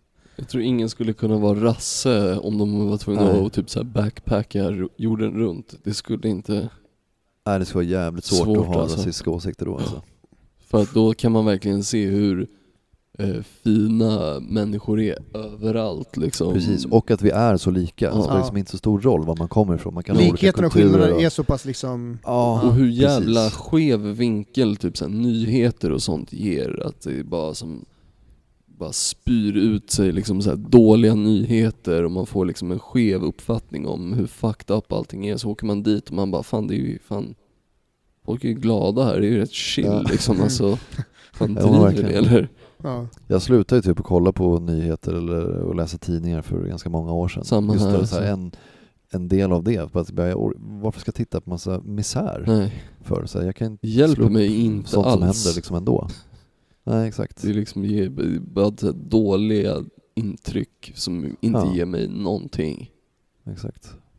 Ja, det är lite trist. ja men fortsätt, och sen så... um, Ja, det var bara lite instick jag nej, nej, nej, absolut. Jag tycker att det är så jävla bra. Jag tycker att det är så sund, eh, sund tanke någonstans att så här, när människor möts så eh, någonstans motverkar man rasism på det sättet att man öppnar dörrar. När, när folk Mm. liksom får se att det finns någonting utanför bubblan, så, så, så en öppenhet liksom. Som, Ja, som- och också att man är lika. Jag tror att det Ja. är också grejen. Så här, om man väl snackar med någon och liksom har ett riktigt samtal ehm, så, så inser man ju det. Om man har någon slags intelligens. Liksom. Det är lättare att sätta sig in i någon situation när man snackar med någon liksom face to face. Ja, precis. För då blir det också mer personligt. Ja, Det är det som kan vara det svåra. Så här, man ser någonting som händer i Thailand eller liksom, eh, vad det nu är. Det, är så här, det, är- för långt bort. man bara, ja, det är jag tråkigt Kommer inte, jag kommer inte åka liksom, dit och hjälpa de här människorna. Mm. Men jag kan hjälpa någon här som sitter på hörnet. Ja, Liksom, precis. eller en vän. Eller, Exakt, man är, ju, man, är ju all, man är alldeles för distanserad men man är fortfarande Ja. medveten om problemet. Så det är så fortfarande så här, exakt. det väger på en mentalt men man, alltså så här, det är orimligt att man ska kunna dra dit och hjälpa liksom, att ge upp allt för att bara, alltså det är på något sätt orimligt för ens välbefinnande. Ja, alltså jag tycker det är otroligt fint med Mm. de som gör det. Ja, så här, det är- så här, det här är liksom det jag känner jag vill göra med mitt liv. Det är ju, Det är ju helt fantastiskt. fantastiskt, verkligen. Men det är inte det liksom jag är ämnad för. Nej, man kan inte Jag- förvänta sig det av alla helt Nej enkelt. absolut inte. Jag känner så här, men jag skapar ju någon slags, jag försöker vara liksom eh, trevlig och eh, ja, men behandla alla som jag möter på samma sätt. Liksom. Mm. Det spelar ingen roll om du är en A-lagare eller hur det än är. Alla som kommer in till butiken också, så här, jag pratar med alla på samma sätt. Så, och liksom bolaget, så man, man lär sig sånt. Ja just det, vad, vad gör, eh, butiken, du, nu, nu, du jobbar någonstans... Ja precis, en musikaffär, Ja. eh, Four Sound. Så Ja. jag har jobbat i, i butik Ja. liksom sen Men det måste jag hålla med, 2000. vi snackade ju tidigare om ett annat, eh, om, ja, men om Systembolaget någonstans. Eh, Det är ju också, apropå det man får lära sig där, eh, på det förut, det är ju också väldigt mycket att behandla alla människor på exakt samma sätt. Det spelar ingen roll om du har eh, fett med cash och är jättefinklädd och köper svindyra champagner eller om du kommer in och köper Åkessons Eh, lilla ett gäng vita liksom- för att det är liksom fisksoppa bil- ikväll. Åkessons lilla vita för att det är fisksoppa ikväll igen. Precis, ja, men alltså på, eh, den grejen liksom. Alltså någonstans så bemöt alla med det, och det är det man upplärs som att jobba efter de premisserna. För att du ska se alla på samma sätt liksom. Ja. För att det alla är en del av samma samhälle liksom. Men eh, tillbaks till din resa då. Vi är, vart är vi nu? Ja, vart är vi? San Eh, Francisco... San Francisco, ja, precis. Hon San hit. Fran, säger man det eller? San Fran. San- Vad säger man? Vad säger man? Finns det någon förkortning? alltså, folk som bor där. Ja. San Fran. Ja, de kanske säger San Fran. Ja. Eller SF. bara. SF. It's SF baby. Är det- Yeah dude. Är det mycket dude där eller? Dude. Är det mycket surfer dudes Alltså eller? det är ju ganska många som röker gräs i San Francisco. Jag hade liksom... Från en sak till en annan, helt plötsligt. Okej, Nej, all men right. så, jag hade ju slutat eh, röka gräs liksom flera år innan jag flyttade dit. ja. Ehm, så jag rökte ju ingenting där. ja, det gick ju inte så Men- bra förra gången. Nej precis, exakt. Skojar. men det är liksom, man känner ju gräs överallt. Alltså det är så här, du går omkring i stan så är det folk som röker gräs. Det är så vanligt. Mm. Och nu är det ju lagligt där också, i Kalifornien. Liksom. Det är ju en konstig grej, förlåt nu gör vi ytterligare en instick men det måste ju Mm. vara en konstig grej när någonting är olagligt först, alltså om vi säger några år, sen några år efter, så är det så här, då är det lagligt. Det är också så här, bara, vad var det som hände? All den här skrämselpropagandan om att du typ blev seriemördare av att röka lite weed, så här, vad hände med det? Alltså så här, Inget hände. Nej, inget Nej, hände. det är ju Alla människor var exakt händer. likadana, samhället såg exakt likadant ut, det var bara det att Grejen, folk var inte kriminaliserade helt plötsligt. Nej, grejen är precis. att ingen kommer börja, det kommer inte bli värsta boomen av folk som röker gräs, för folk röker gräs ändå, men Mm. bara att det är olagligt. Men Ja, precis. Det är ju så här, men ehm, här i, i eh, Sverige så är det ju så här, det blir ju en, en, en stress om man ska köpa gräs för att det är olagligt. ja, Liksom så här, hade det varit lagligt här också så det, så här, det ja, som alkohol, och alkohol är ju egentligen generellt otroligt mycket farligare än att röka gräs. Alltså det är så mycket så här, olyckor och liksom ehm, våld i hemmamiljö och sådär. Det är ju allting sånt där är liksom Ja, det är alkoholrelaterat. och det är inte så många som röker liksom gräs som är ute och liksom. slåss liksom. Ja. Det är en ganska eh, avslappnande drog så. Eh, man blir lite smålullig och ja, det kan ju vara starkt också såklart men ehm, Nej, jag, alkohol, det är, helt, det är ett mirakel att det är lagligt egentligen. Ja. Alltså, skulle man komma på det nu så, så skulle det absolut inte få vara det. alkohol är som Så bibeln, det är, liksom, det är för gammalt för att, Ja, för att folk ska bara nej, precis. kan inte Ja, det släppa är det. konstigt. Men i en snabbt instick också, vi, jag var i San Francisco förra året och var vi på någon pizzeria och, och vi var bakis och hade rökt lite gräs liksom men inne på pizzerian så bara typ hämtade vi våra pizzor, snubben kollade på oss och bara "Eh, Do you guys smoke weed? Vi bara yeah, typ, vi hade stått och snackat lite om att så här, vi var turister typ och så här. Ja. bara, oh, do you like San Francisco? Typ, vi bara yeah, it's fucking awesome dude Vilket dude. Eh, Så gav han oss liksom, en- han, han bara 'Do you guys smoke weed?' Vi bara 'yeah' Så gav han oss en joint Han bara 'Här får ni' liksom Han bara Av Extra snubben oregano vi typ köpte pizza av liksom Ja. Så jävla slapp och bara Liksom satt och Typ kollade på TV och bara ah, 'Okej, okay, mycket pizza' Vill men du ha oregano ju- eller weed till pizza? Ja exakt Folk är ju mer avslappnade i San Francisco, det är, så är det ju. Och liksom att dels att de pratar med folk, jag aldrig någonsin tror jag fått en komplimang så här, bara helt apropå utan att alkohol har varit inblandat. Knappt då tror jag. Nej Men San Francisco var det så här, ja, flera gånger som folk kom fram och bara så här, nice hair man. mm.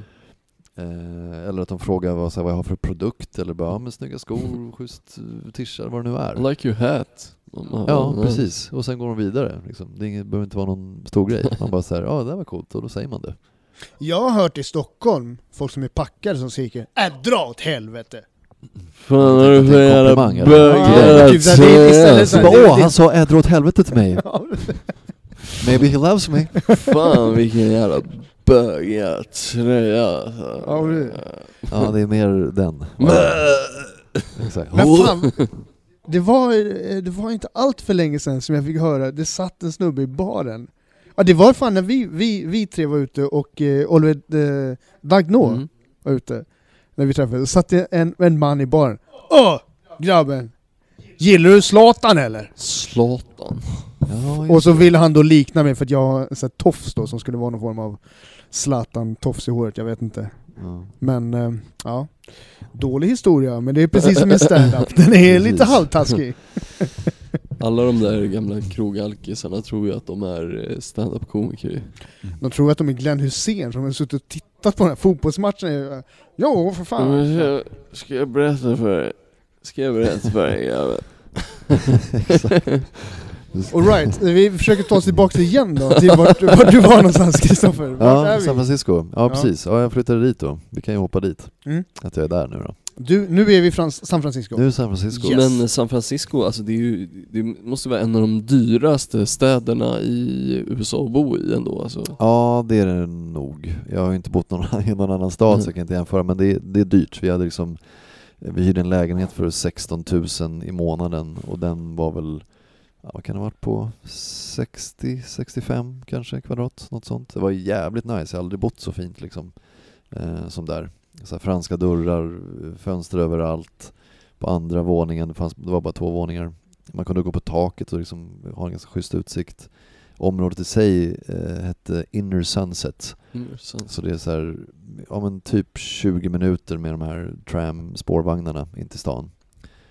Eh, det är också en konstig grej i San Francisco, de här sätena, alltså så här, det är hård plast. Ja. Det är så jävla obekvämt, bussar och, och eh, Det för, spårvagnar. det är för att ingen hemlös ska vilja sova på dem säkert. Nej, ja, kanske det. Och det måste vara Är de inte lätt att lätt göra rent av dem där. Det Ja, är men också- är det inte rätt att liksom så här, man har kemikalier, sprutar med vatten och gör, håller rent? Det, det tror jag. klart. Men det, ja, det kan inte vara bra för folk. Wash away Jag gillar ändå att du snackar åker om hårda, men det här är intressant, för du, du tar upp någonting som har kommit upp i podden tidigare när vi snackar om folk som reser. Ah, Du snackar om hårda säten i San Francisco, på de här Ja. tramsen.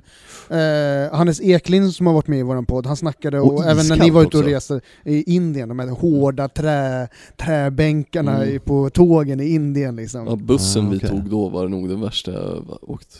Ja. Bara så här byggd för folk som är typ 1,30, 1,40, träbänk, eh, öppna fönster när man kör genom bergen typ och bara så här. nej. Nej det sög. Ja. Ja. Ja, det Nej. är inte bra. Men, Men, finns då är det bättre med svensk kollektivtrafik. Ja faktiskt. Ja. Det är sjukt mycket mer eh, Fan, bekvämt. du är Lasse Åberg det. på sätena för fan. Ja men exakt. Ja. Men Ja, det hade ni bil där eller? Det känns som man Eh, måste ja, ha det.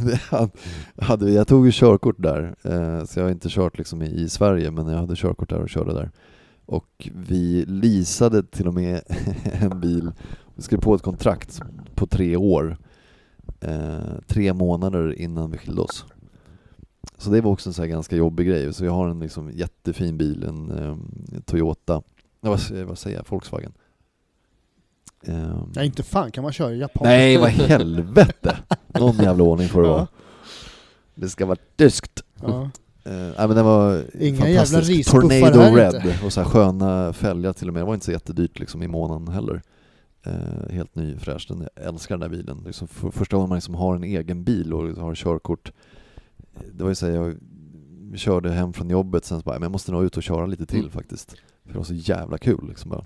Babe I'm going to Colorado. Ja, nej, men vi bodde också så här jättenära um, Ocean Beach som är en av San Franciscos största eh, stränder. Så med en bil så var det väl kanske 3-4 minuter Fan, vad att åka nice. dit. Eh, så de tre månaderna när vi liksom eh, bilade, för vi, våra jobb låg ganska nära varandra också. Eh, då. Ehm, så kunde man liksom bara svänga förbi havet och bara gå ner och titta på det och sen åka hem. Det är- Fan vad nej, vackert fan det låter ändå, fint, alltså. kunna vara i sån miljö. Ja, det är är, det varmt hela tiden också? Nej, verkligen inte. Alltså nej, alltså San Francisco, det är inte så här att det är en, en sommarstad Mm. så. Okej. Ehm, första året som jag var där, då var det sommar, vår nästan hela tiden faktiskt. Det var väldigt bra Och år. när vi snackar sommar så snackar vi inte svensk sommar då, utan då snackar vi... Jo, typ. Typ. Alltså så här Okej. försommar, ja men du vet 20, 25. Det är väldigt sällan det blir mer än 25 grader i San Det är ju rätt, alltså det är ju precis liksom vi, alltså det är ju eh, The Bay Area kallas ju det där runt, Ja, så det precis. kommer ju mycket vindar in från havet sådär, så det är ju ändå, Ja, det är sju olika klimatzoner i San Francisco. ah, Alltså, jävlar. Det är helt bananas. Så där vi bodde, Inner Sunset, där är det ofta lite sämre, för att då kommer man också närmare havet. Mm. Så man liksom kommer från stan, åker in och sen så är det typ, ja där börjar eh, Golden Gate Park, börjar där också. Right. Och liksom där vid parken, det kan vara ett stort, det är bara en jävla vägg av dimma. Ja. Det är som Men så det ligger liksom vid, är det för att det är alla så- väderstreck? Ja men det är liksom- väldigt, alltså de här filmerna, det är ju liksom extremt eh, djupa dalar och höga eh, Ja. berg så. Och även liksom i stan när man eh, åker bil så är det ju första gången typ, jag backade med någon, jag höll på att skita på mig för att det är sån jävla lutning Ja. liksom. Mm. Man tror att bilen bara ska falla bakåt. Vad heter den här serien? De här tre snubbarna som bor i ett hus med... med, med Full två- house. Full house. Det, Ja. det, det är vignetten va? Så åker de med den här. De Ja, hoppar, man hoppar in i de här De har ju alltid det. I San. Francisco med som stad så är det ju alltid det med. Liksom. Ja, alla verkar så lyckliga tycker jag. Ja. Är alla så lyckliga där då? Eh, många är ju det. Det är också så här liksom de Är folk lyckligare- homosexuellas eh, näste och det är ju väldigt många som är glada ändå. Eh, De är... They're gay They are and gay. gay. En ja, gay. gay. Och det Double betyder gay. glad liksom. Fan vi tänkte så exakt samma där. Nej men det är ju ett, det är ett ord för gl- glad. Ja, faktiskt, ja men vad fantastiskt. Vad, vad nice. Ja, min andra chef var gay Ja. eh, på mitt andra jobb på den här reklambyrån. Det var nog den liksom, roligaste chef jag någonsin har haft. Han var, det var liksom roligare på jobbet när han var där än när han inte var där. Sen kunde han vara extremt så här hård när han blev stressad också, så man bara oh jävlar. Men eh, ja, det var för, för det mesta så var det jävligt nice. Jag jobbade också... På vilket sätt var han hård? Alltså i... Ja men du vet, jag var Alltså, då jag så här- tanke på- pants. Ja, ja, ja. ja jag kopplar inte. Tror inte han Oh. runkade på jobbet. Nej. Nej. Men man vet liksom aldrig. Ja. ja men vad kul, det var en bra chef. Ja, Som var faktiskt. Jason Kelly. Jag, jobb, shout-out! jag jobbade och serverade jävligt många gay-snubbar i Sydney men jävlar vad kul det var att jobba med dem när de var så eh, sura och liksom så här bitchiga mot eh, eh, vissa eh, kunder liksom och bara så här stod och klagade och liksom bara Ah, Yeah, it's a fucking asshole. Men ja, nej, fan grymma alltså. San Francisco. Vad fan, jag var på en krog där som vi bara gick in på helt random och drack en Irish coffee så här 10-11 på morgonen. Jag tror att den hette The Buena Vista. Och Hunter S. Okej. Thompson hade donerat en, en typ så här fett nice Hawaii-skjorta eller någonting som hängde uppe på väggen. Var du där? Vart låg den? Nere typ vid någon kaj har jag för mig. Fan, men man kunde ta den där gamla, gamla finns ju tramsen, vatten, så så att kunde säga. man ta där. Alltså typ såhär Fisherman's Wharf? Nära Fisherman's Wharf, för vi bodde där. Okej. Ja. Lite mer, man går liksom, om man står och kollar på havet från Fisherman's Wharf och kollar, går åt höger liksom efter kajen där typ. Ja, det, det är en ganska lång kaj. Ja, den är ju svinlång, alltså. Ja. Om man går bort från bron, Golden Gate-bron. Fast där är det ju... Vad fan, Golden Gate-bron går vi inte där? Det är ju Bay Bridge, alltså... Jo precis, Den man går mot bron. Bay Bridge istället för Golden Gate-bron. Från Fisherman's Wharf, där någonstans borta, där låg det. Men ja, det, var det, det är den godaste Irish coffee jag någonsin druckit i hela mitt liv. Mm. Den var Annars riktigt har grym. väldigt bra så här, så ja, vi var ju på en vietnamesisk restaurang och jag, jag bodde ju precis vid en, en av San Franciscos bästa vietnamesiska restauranger. Just det, det nämnde här du. Grym få. Fy fan. Alltså, jag hade en, en av mina bästa polare, Daniel, som kom dit och hälsade på. Han också bara höll på att smälla av när han... Är det mycket asiater i San Francisco eller? Ja, väldigt mycket. Det är ju liksom... Typ, Vietnameser De vad är ju- det? Kineser? Det är ju liksom eh, USAs kändaste, Chinatown är ju San Francisco liksom. ja, det Sweet. är intensivt. Vi var där och Luktar käkade. väldigt mycket udda dofter där. Alltså. Ja. Men jävlar, vi var där och käkade, ja, vi var där och käkade när jag fyllde år och vi var svinpackade redan innan och vi stod i kö till någon kinesisk restaurang. Så började vi snacka med dem framför oss i kön. Det var en äldre amerikansk tant och två eh, spanska, eller argentinska utbytesstudenter som var typ 12-13.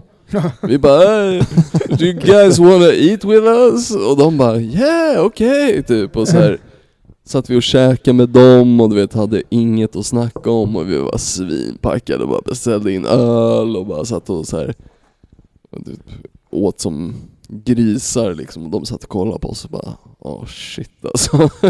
Vad är ditt bästa tips då från San Francisco?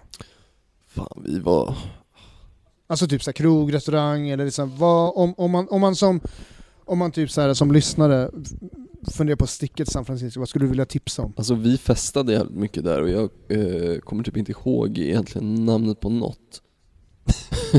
Okej, fet stad att festa i alltså. Men alltså så här, ja men Mission-distriktet, det är ju mycket så här nice barer och sånt där men det är ju lite halvsketchy också. Det är mycket hemlösa liksom. En snubbe, Ja, man, det, är, det är vissa gator och vissa kvarter som man bara, man ska inte vara där Nej. helt enkelt. Eh, en snubbe skåtade bara ner och rökte crack bredvid oss mitt på blanka dagen liksom. Men gud vad mysigt. Mycket trevligt. Inga konstigheter så att säga. Nej. Nej. Nej men alltså vad fan det är...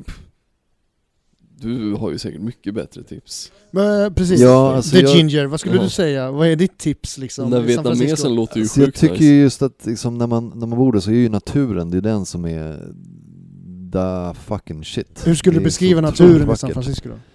Jag var faktiskt i eh, var det Skåne förra sommaren och hälsade på en polare där som bor i Ängelholm. Okej. Och det var lite så här, jag det fick lite samma vibbar. Det var bara en, en hög jävla klippa, en fyr uppe och så liksom utsikt över havet. Den, när man är typ så här 20-30 meter upp och det är, en, det är bara ett stup och så hav. Alltså det här grandiosa. Mm. Mm. Det är det som finns där. Också så här, jag var där innan jag flyttade dit. En av anledningarna till att jag kände så här, ja, men det här är ändå en stad som jag känner att jag skulle kunna bo i. Eh, vi åkte till någon, eh, eh, inte hamn, men någon stor brygga, liksom strand. Eh, och då, då är det en säl som poppar upp huvudet när man står där. Ja, coolt. Och det, så här, det ser man ju liksom inte i Sverige. En fucking säl. En säl. Vi bara såg det också bara där nere vid Fisherman's Wharf, bara någon Ja, säl. där är det ju, där är ju ett, ett harem av Ja, sälar. de bara ligger och Men här Så bara- bärsen de bara då, ligger det? där Det och finns en bärs, eh, en Red Ale som heter Red Seal. Mm. Red Sea, de är grymma. Mm. Ja, den är go god bärs, eller hur? Ja, Eh, Men är den från San Francisco? Nej? Steamboat Ja, vet jag ligger Kan där. vara sätt. De, det är väldigt mycket så här små mikrobryggerier och grejer. Ja. Ehm, Steamboat är väl ganska känt, men det är väl från San Francisco tror jag. Eh, Steamboat jo men vad heter det? Anchor Steam är från San Ja, Francisco. Anchor Steam, så heter det. ång- ja, men den är eh, inte så ång, jävla kul. Nej. Just det, men den, den, är, den, den är ju ång, ång, bryggd i så här ångfat eller någonting. Den är ångad liksom underifrån eller överifrån. Väldigt hipster. Jag hade ju en favoritöl när vi bodde där och det är en eh, öl från Hawaii. Hawaii åkte vi också till förresten. Oh. Ehm, när vi bodde där, det är ju så här 5-6 timmar bara. Från Halvvägs till Japan. Ja, typ. Eh, som heter Kona. Är typ en Golden Ale. Finns på Mm. beställning, så ja, Medisbolaget har den också. Den är så här bara lätt citrusaktig, sjukt Nu, li, nu är den inte så jävla dyr heller just den ligger på 22 spänn vad jag vill minnas. Eh, Ja, någonstans där, för 33 long. Longboard. De har flera olika. Den Ja, Kona- har fem tror jag, sex. Vi var där och också på bryggeriet eh, när vi var eh, på Hawaii. Eh, Kristoffer, känner du skönt i att inte, snack, eh, inte vara varumärkesneutral? Vad Skönt att kunna snacka om, om, om, om olika... Ja, men det diskuterade vi också för en vecka sedan när vi var ute, eh, minns jag. Eh, och jag har liksom aldrig tänkt på den grejen, så här, visst man skriver på något avtal där om man jobbar för bolaget, men det är liksom det är väl ingen som bryr sig om det så direkt. Man måste väl för fan kunna få ha åsikter. Ja, precis. Det är inte så att man har på sig en... Eh, Nu fick jag det ansiktsuttrycket som du brukar snacka om. Nej, när jag blir så här lite stel i ans- Jag bara, nej man får inte ha åsikter. Man får snacka om Mao, men man får inte ha åsikter. för jag tror att egentligen skulle man väl liksom inte ha på sig typ en Carlsberg tisha ens så här, på väg till jobbet eller om man jobbar. Alltså det, bara, det känns ju helt bisarrt. Det känns bara fånigt tycker jag. Ja. Ja, men, men i Paso Pesetas får man säga att Kona är en god öl. Japp. Den Ja. är från San Francisco. Nej, den är från Hawaii. Den är från Hawaii, ja just det, det var så det var. Just det. God damn it. Ja. Eh, nej men ställen så, oh, ehm, eller vad håller på med det? Ja i alla fall. Ställen som jag skulle rekommendera eh, naturmässigt eh, i San Francisco, Ocean Beach, är, det är magiskt. Det är så otroligt fint. Det är, jag Coolt. vet inte hur många, hur lång den här stranden är, men den är stor. Det är många, många tusentals människor som skulle kunna vara där. Och det är aldrig liksom att det är fullt, så här, att det inte finns yta för den liksom. Eh, Så folk går och eh, joggar där och eh, surfar. Liksom. Det, är inte, det är inte varmt i vattnet. Det är, jag tror på en högsommar så är det kanske så här 16 grader. Och det är ganska kraftiga vågor fortfarande så att det är så här, man hoppar i typ, skriker lite och så går man tillbaka till stranden. Liksom, Har du testat att surfa någon gång? Nej, vattenskidor har jag testat. Eh, Men det gjorde jag inte i San Francisco. Men Ja, eh, alltså just så här nationalparkerna och så här, sånt. Golden Gate Park är också fantastisk, alltså bara Mm. gå omkring där, det finns hur mycket som helst. Alltså, djur, det är tennisbanor, det är liksom olika eh, natur, ja, parker med massa olika blommor och grejer eh, Mm. som är otroligt fint. Ehm, Men just bara att så här, de, det får man ge dem i USA, deras nationalparker och så här, eh, beacher och sånt, de håller dem i jävligt bra skick liksom. ja, men det är ganska många som också kostar pengar. Ja, jo, man får ju ska ofta in betala och- liksom ja, precis, för det, det men- känns lite surt kan jag tycka. Men, På något, ja, man, man får ju ändå, alltså så här, det är alltid personal där och så här, ofta tyckte jag i alla fall, på Mm. de ställena vi var. Var det i Yosemite? Nej, det var ett ställe som vi pratade om att åka till men det blev aldrig Så vi var i ehm, eh, Grand Canyon var vi, men det var Mm. inte så här, man fattar, jag tror man måste liksom flyga helikopter eller åka flyg ovanför för man fattar liksom inte hur stort och fint det är när man kommer till de här små posterna man kommer, det är liksom olika busshållplatser som man åker till. Oh, Och då är det så här, ja här är en jätteklyfta. Okej. här är en annan Men- vinkel av jätteklyftan. Ja men precis. Så vi gjorde en grej innan vi åkte till Grand Canyon var Antelope Canyon. Okej. Som är liksom ehm, också så här, in, eller det är ett indianreservat så man måste följa med liksom en, en indian, native american. In dit och eh, Katja hade typ kollat upp det där och det stod ingenting om att man behövde boka i förväg så vi åkte dit och tänkte så här, men det är väl lugnt. Och de bara, nej det är fullt. Vi bara, va? så bara, ja, det kanske kan få tid typ klockan fyra i, ikväll och vi var där så här vid tio på förmiddagen liksom. Och bara, men helvete. Ehm, men sen så man ni kan sitta och vänta så ibland så är det folk som inte dyker upp och då kan man liksom hoppa på där. Och det vill säga, då är det en kille där som egentligen bara skulle dit och hänga med sina polare. Men han beslutade sig för att Nej, men jag kan ta några pers. Och han är också fotograf. Så han, så här, han lånar våra kameror och tar bilder på oss i den här, Ah, det är så jättefint, liksom den här röd, ros, lila färger typ som dyker upp helt plötsligt. Nice. När han fotade. Eh, men väldigt eh, ja, häftigt, vackert. Har du någon, heter det, minns du ifall du har några bilder kvar från den här platsen? Alltså, Antelope Canyon? ja, Ja, när du var där jag liksom. Är det någonting som du, skulle, som du skulle vilja dela med dig av?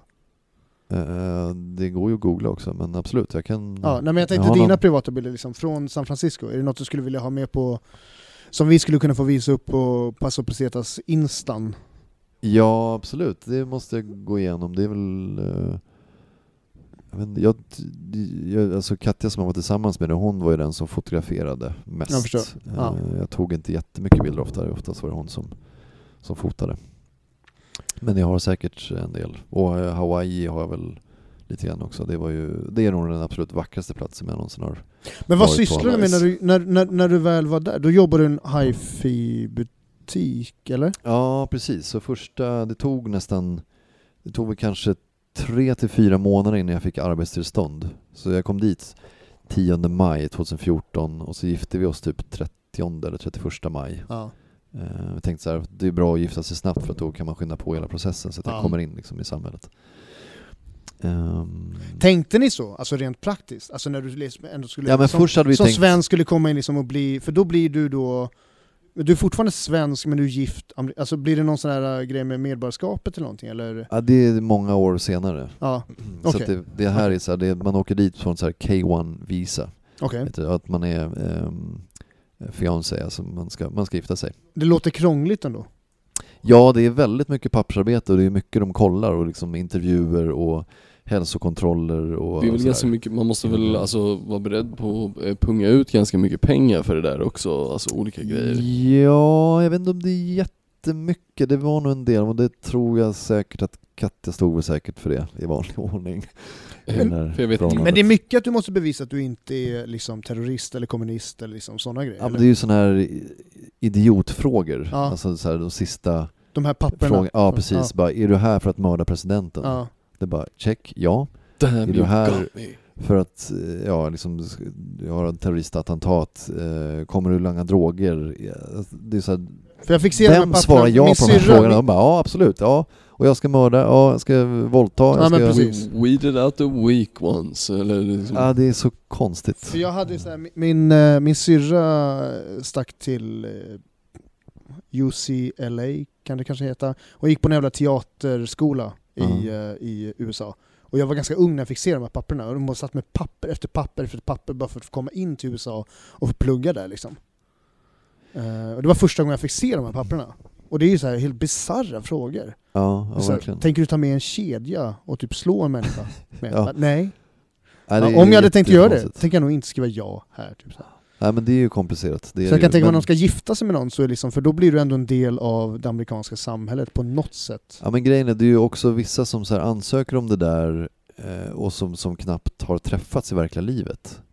Ja precis. Alltså, och det är ju också bisarrt i sig, det är så att man gifter sig med en person som man typ bara har träffat på en skärm, på en dator. Det finns ju Vi har folk- ändå bott liksom tillsammans i Sverige, jag har träffat hennes familj, hon har träffat min familj. Ja. Det är inga konstigheter liksom. Ni har var ju äkta liksom. fotoalbum liksom med Ja. eh, ja. Det finns ju folk som säljer sina, liksom, de har amerikanskt medborgarskap och säljer sitt giftermål för så här.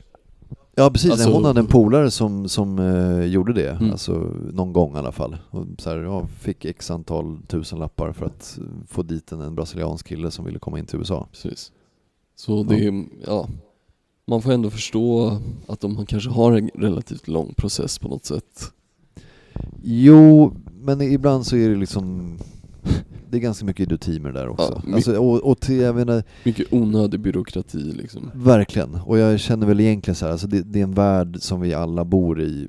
Ska man inte bara kunna bo vart fan man vill Ja. och liksom jobba där man vill? Utan så Det ska här vara så jävla mycket liksom. komplicerat. Nej Ja. exakt. Bara, du, får åka, du får inte åka dit och där, då måste du göra de här grejerna för att komma in ens. Så vissa får inte liksom resa överhuvudtaget. Det är ju är det så sjukt liksom. Nej. Så vi är väldigt eh, förfördelade där. Vad tycker du är det störigaste med eh, USA eller San Francisco? Med amerikaner? Det är är det en svår fråga. deras samhälle överlag kanske? Ja, det är de där sätena tror jag. Toaletterna störde jag mig på mycket på. Nej men det... Det är inte så jävla mycket att stö- störa sig på alltså. Eh, Toaletterna med sådär mycket vatten i. De hatar Ja just det, toaletterna. Ja. Amerikanska Vad tycker du om toaletter. Ja men, ja men det är ju så här petitesser för fan. Och att de inte har, Jag tänker att det här var en seriös fråga för helvete. Det är, det är på ett sätt, men också så här, toaletterna är en Både sån och. grej. Vi, vi, har, vi har varit inne på det här förut va, med, Mm. med någon annan gäst, jag menar, som snackar om toaletterna i USA. att, så här. eh, väggarna Ja, men på så är det ju. stalsen är liksom, ja, men, men du ser ju liksom det, halva, det enda du inte ser är typ ansiktet på den som bajsar bredvid dig. Ja, så är det inte i San Francisco. Ah, kanske inte. Jag är så pass kort så jag har inte sett någon. Ja, just Jag har bara det. sett kaket. så, ja, det är inte min upplevelse. Glida på muggen tyckte jag var... Ja, det är mycket splash från när det är sådär en pool man bajsar i liksom. Ja men den är, ju- är ju lite weird, det Jaha. kan jag hålla med om. Så du kan ändå, jag märker, jag ser ju på ditt ansikte nu, du kan ju ändå relatera till det som Agge säger. Ja absolut, Nej, men det, alltså. det är ju en annorlunda toalett som är här hemma, så är det ju. Men de verkar, ja, det, man tycker, de tycker att våra är helt sjuka och bara vad fan, eh, Varför har ni så lite vatten? vart är vattnet jag ska bajsa i? Exakt, vad är det här för jävla lågklasshotell? Mm. Eh, nej men det kanske är folk som, alltså det, det är ganska mycket äckliga människor som luktar jävligt äckligt okej. just i kommunaltrafiken. Det var också en väldigt skön grej med att, liksom, att ha bil, att man Mm. slipper den. Det är så, jag har sett folk som The odor. de sitter och klipper håret, klipper naglarna. Ugh. Alltså det är så här, I kollektivtrafiken? ja, Har du sett den? Har du sett någon Absolut. klippa naglarna i kollektivtrafiken? ja. Med en stor svart liksom, soppåse bredvid sig där de har sina grejer. Men det är, så här, det, är otroligt mycket uteliggare, de har ju inte Mm. alls samma liksom, sociala... I och för sig, det är sociala- bra ljus kanske i, tunnel, eh, eh, liksom i kollektivtrafiken. Ja, men också så här, Det är det vita det är också- ljuset, de- så att de du ser ju naglarna liksom. Men det är också så här, det, det finns ju liksom inte hem, om man, om man inte är frisk i huvudet så är det ju inte så att man kan få hjälp. Nej. För man har liksom inte, det finns inte den typen av försäkring som vi har här i Sverige och liksom sjukvård och eh, den grejen. Och det är Det tack vare att vi har så hög skatt här i Sverige så att vi har råd att ta hand om våra Ja, människor. Så att, eh, tacka skatten för det. Och det är många som inte får hjälp ändå, men jag menar det är ju så här, där är det väldigt tydligt att Ja, det mm. liksom ja, är så. Mm. Sen är det kanske lite trevligare för att det är generellt ett varmare klimat så det är liksom ganska okej ändå att liksom vara hemlös där. Ehm, Det är bättre än eh, 20 minus i alla fall. Mm. Ja det är, fy fan det kan inte vara kul Nej alltså. alltså, nej. Nej, fy gud fan. vilken ångest. Men fan respekt till alla som eh, hemlösa i Stockholm och som fan överlever svensk höst och vinter. Nu börjar hösten komma in i Stockholm liksom under Ja. tiden som vi sitter och spelar in det här. Fy fan för att leva ute just nu alltså. Mm, Ja, det är det, ibland så kan jag bara tänka på det så här, vad, vad behöver jag? Ja, man behöver liksom äta, man behöver ha någonstans att vara och liksom någon att älska eller tycka om i alla fall. mm. Eller Bara, något ja, jag har kanske check en, på de där. till och med en man har det jävligt bra här i Sverige alltså. ja, Väldigt, väldigt bra har det. De som har, ja, jo, alltså de flesta har det ju rätt så bra men de som har det keft har det nog ganska jävla keft de med alltså som typ måste slagga ute på vintern liksom. Det är ju Mm. liksom alltså så här. Fy fan, det måste vara bland det vidrigaste ever men Verkligen, men den procenten är ju extremt Den är inte liten. hög. Nej, Nej. Det, är inte så, alltså, det är inte så påtagligt som när man är i San Francisco och man bara alltså Nej, där är det ju överallt. fan vad många det är som alltså, har Ja. problem här. Och, För där alltså, är inte alls verkligen. skyddsnätet likadant som det är i, i, i Sverige va? Nej. Alltså att du får ingen hjälp. Alltså där, om du är, om du inte liksom, om du inte klarar då är det liksom, mm, Nej men det finns då ju inget bara, då skyddsnät bara går alls. din långsamma har, har du inget väg jobb, till döden liksom. Har du inget jobb och liksom kan betala eller har, det är ju oftast eh, företagen som betalar din försäkring så att säga. det är Eh, så man då är får ju eh, kört, sjukvårdsförsäkring är för att man eh, fixar ett jobb som betalar det åt en. Ja, liksom. precis. Jag var ju liksom del av, av Katjas plan för att hon hade ett väldigt bra jobb. Mm. Så att så här, den, den planen jag skulle få mitt jobb, det var ju bara blaha blaha. Eh, så jag var ju på henne, så jag betalade typ mindre där än vad jag gjorde här hemma i Sverige till och med. Mm. För sjukvård, så här 10 dollar typ betalade när jag träffade en läkare. Ja, shit. ett vanligt standard. Kanske om det skulle vara någon så här specialist, specialist då kanske blir lite mer pengar och liksom, om man behöver operationer och sånt där, absolut. Men så vanliga vardagliga krämpor och sånt, då hade det faktiskt billigare där än, än i Sverige. Men vad skulle du säga att du saknar med USA då? Om du tänker så. När jag bor här nu igen. Mm, i, I Sverige, vad saknar du med USA? Ehm, ja men öppenheten från, från folk. På vilket, Jag- sätt, på vilket sätt är öppenheten? Alltså jag reagerade på det mer när jag, när jag bodde i San Francisco och kom hem till Sverige på besök. Eh, det var någon gång som eh, vi bytte så här, det var några bekanta som lånade våran lägenhet i San Francisco och vi lånade deras hus i Täby för att vi skulle vara här några x antal dagar. Ehm, och då var vi någonstans vid någon plattform där vi liksom inte brukar vara och jag typ så här bara frågar någon random person eller ställer och pratar högt typ och tittar på något, en grupp av människor och ställer en fråga. Ingen ens, de tittar inte ens på mig. Då bara jag känna så här, Fan. välkommen till Stockholm. Ja. Och det är lite så Stockholmsfenomen också, det är inte riktigt så i övriga Sverige heller. Så här, mindre samhällen, då känner man mer och liksom man är lite kyliga och- attityden eller? Ja precis, Ja. det är lite kyligt i Stockholm. Men sen nu när jag bott här ändå i två år igen så är det nog ganska nice ändå. Ehm, faktiskt. Det är ju det är, ju- det är trevligare i San Francisco, just det här att man säger hej, det är inte konstigt och möter man liksom blicken med någon på gatan, då nickar de till en. Det händer ju liksom inte här. Nej. Ehm, Då bara, va? De bara, är han sjuk i huvudet Ja men precis, man går fram och ska fråga klockan och vissa De så bara, här, ring polisen, ja precis. grejer. Ja. Eh, Så det är en grej. Och sen så ehm, naturen. Mm. Naturen, ja. Ja, det är otroligt vackert i San Francisco. Verkligen. Men Stockholm är ju också en av eh, liksom, världens vackraste städer, måste jag säga. Framförallt på sommaren kanske. Men, men det är den här storheten i, i naturen. Fett. Havet, Fett. alltså det är så här, det är bara never ending. Mm. Det är bara en horisont. Ja det är, det står är riktigt ball alltså. Det är häftigt. Ehm, ska vi snacka lite grann om vad du gör nu för tiden? Ja, sitter i soffan liksom. Mm. Din musik liksom. Vad gör du nu för eh, tiden? Hit, vad sa du? Hör du aldrig av dig? Ja. eh, The Ginger, jag har ju sett The Ginger live eh, två gånger tror jag i alla fall. Ja, Har jag. Musslan vet jag och sen...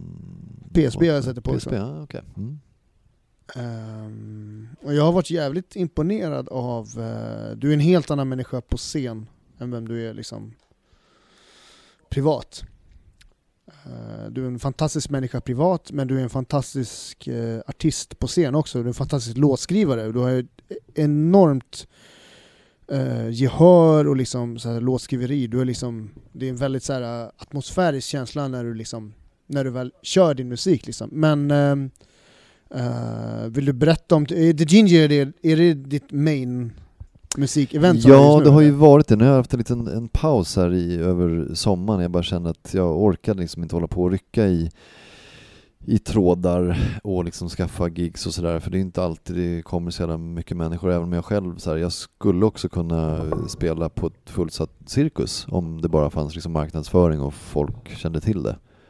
Eh, Det är så jag tycker själv. Sen så är det kanske inte alls alla tycker det. Men jag tycker inte att det finns så stor skillnad kvalitetsmässigt på min musik och på musik som slår egentligen. Det är bara Nej. så här, ehm, tillfälligheter som, som gör det. Och hur mycket man jobbar med det själv såklart. Och jag är ganska dålig på den biten. Jag gillar liksom att skapa.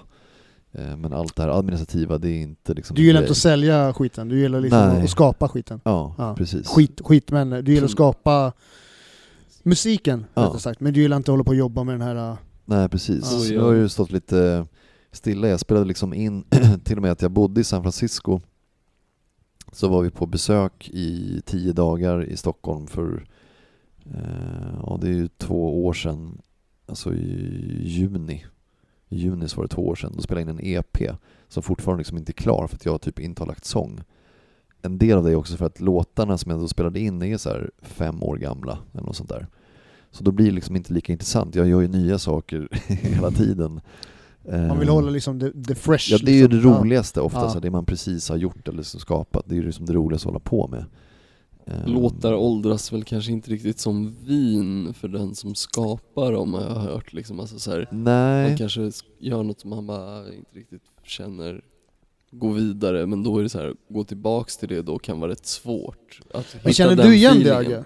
Det här med att köra gamla rutiner och säga, det är Ja det liksom, tycker jag är ganska svårt. Det är som alltså. Kristoffer berättade om liksom. Ja Alltså så absolut och jag tycker att det är svårt att gå tillbaks till det men Alltså det går ju Men också det här, det jag skulle säga innan var bara att så här, jag känner detsamma med stand-up och så här, marknadsföra gig och sånt, det är inte alls min grej Jag gillar Mm. att bara göra det Inte att eh, känna press på att liksom få någon så socialt eh, pressure att man måste bara säga ja men kom hit, det kommer bli skitkul Kan inte Ja. jag garantera Nej, alltså det brukar jag ändå, sen när jag väl har en spelning då försöker jag ju liksom berätta det för så många som möjligt. Sådär. mm. Ehm, och det är ju jättetrevligt när det liksom faktiskt kommer folk och det, så här, det, det känns ju jävligt nice. Mm. För det är, det är inte så jättekul att liksom spela för tio pers Nej som har hört de här låtarna tidigare. Det är ju inte, det är inte därför man håller på riktigt. Sen så älskar jag att stå på scen och liksom lira, det är ju fantastiskt. Det är ju bland det jag älskar mest i livet. Sådär. Nej, men jag kan verkligen, jag har ju sett dig live liksom, jag, vi, vi kommer ju nu när du har varit med i, i, podden liksom, vi kommer ju alltid pusha Ja, för att folk ska komma. Va? Nu kommer jag ju breaka efter det här, det vet jag. Det är ju liksom, det är Nej, jag menar, Vi efter, det efter det här, vi, vi kommer ju ändå pusha för att folk ska gå på när du väl spelar live liksom, för det är någonting som folk bör se. För att det, det är bra Ja, musik med. och är en bra liveframträdande. Alltså det är kvalitativa, kvalitativa grejer som du sysslar med. Ja, och även om man Ehm. inte kanske säger att, att det är den musikstilen som jag håller på med, kanske inte den man liksom älskar mest, så är det ändå så här, om det är väl framfört, det är bra musiker, någonting kommer man ju ta med sig liksom, om, man, om man ser det live. Så är det ju. Definitivt. Absolut. Jag har gjort det varenda gång jag sett dig live liksom. Respect alltså. On another island, in the sun.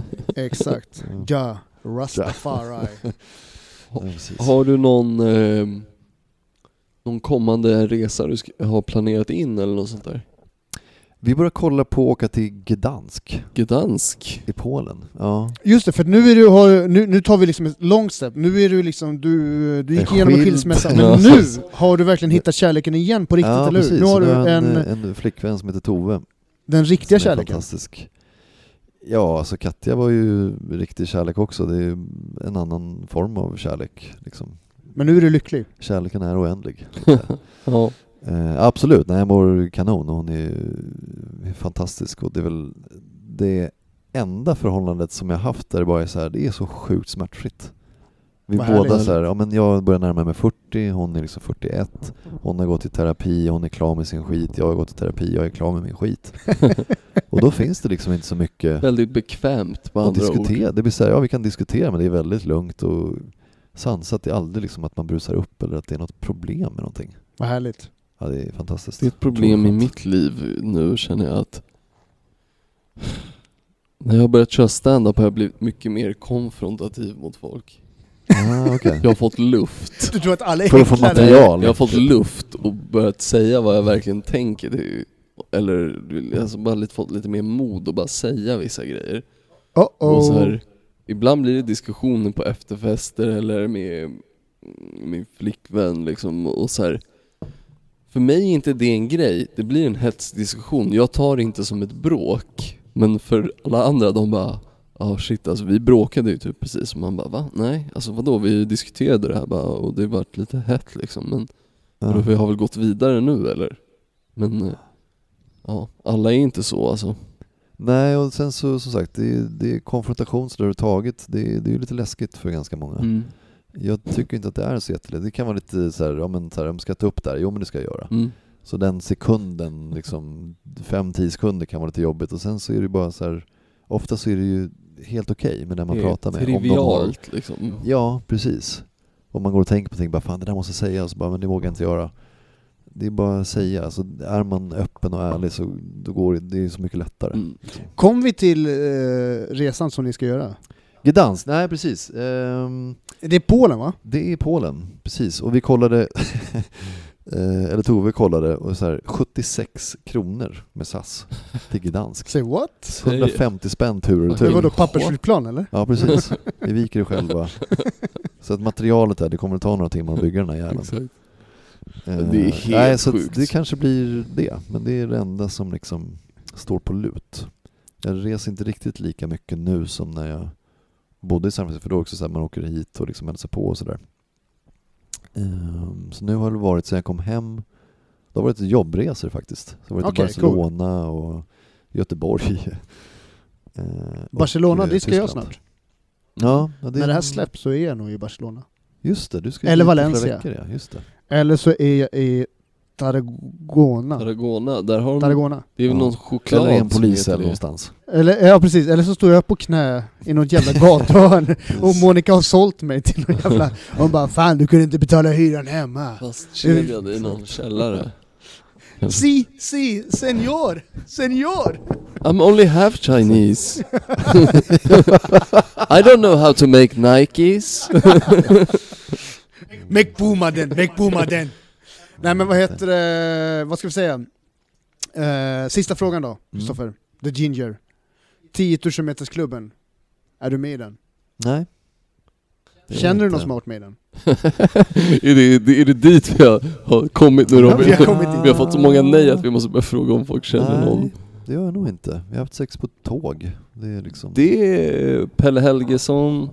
Komikern Pelle Helgesson har också knullat Sex på på ett tåg. tåg Ja. verkar mycket Ja. mer vanligt än eh, 10 000 meters Men det klubben. är också Vi gör så här har då. Man ju en säng. Det är inte så här att det är inte så många som har råd kanske med så här första klass när man får en jävla säng Nej. för sig själv på ett flyg. Det är väl typ in på toaletten och det är, det är jävligt Det är inte lite plats nice. Men tror du att det är en myt då? Tror du att det här är något hittepå som folk bara Nej, hittar på? Jag tror bara att det var det, jag mycket större på så här 70-talet när det var liksom så här fancy att flyga och så här. Det var nytt och spännande men nu är det ju bara Ja, så här. är. Nu är det ju fan typ ångest liksom. Man bara Ja. fuck, jag bara kommer fram mår dåligt, får ingen mat på planet, alla är fett Nej, jag otrevliga. och- flygrädd. Jag älskade att flyga när jag var liten och sen så när jag flög hem från Budapest en gång då var jag så jävla förkyld. Eh, då sitter jag så här, de, ja, de gav mig någon jävla plastmuggar med typ så här varma servetter för att det skulle tryckutjämna så jag sitter och håller de här mot mina öron och så är det någon jävla unge som sitter och garvar åt mig såklart. Och jag bara åh vad pinsamt det här är, åh vad jobbigt och bara, jag mår så jävla konstigt. Åh fan. Och sen typ Usch, precis- förlåt att jag garvar. Ja men det är ju det är en komisk historia. Ehm, och så precis typ innan vi, vi ska landa, då bara, då bara vrids hela jävla världen för mig, jag får någon yrselgrej och bara, jag måste kräkas. Nej. Och så kräks jag, första gången någonsin på ett plan, enda gången också. Använder du påsen? Ja jag använde påsen.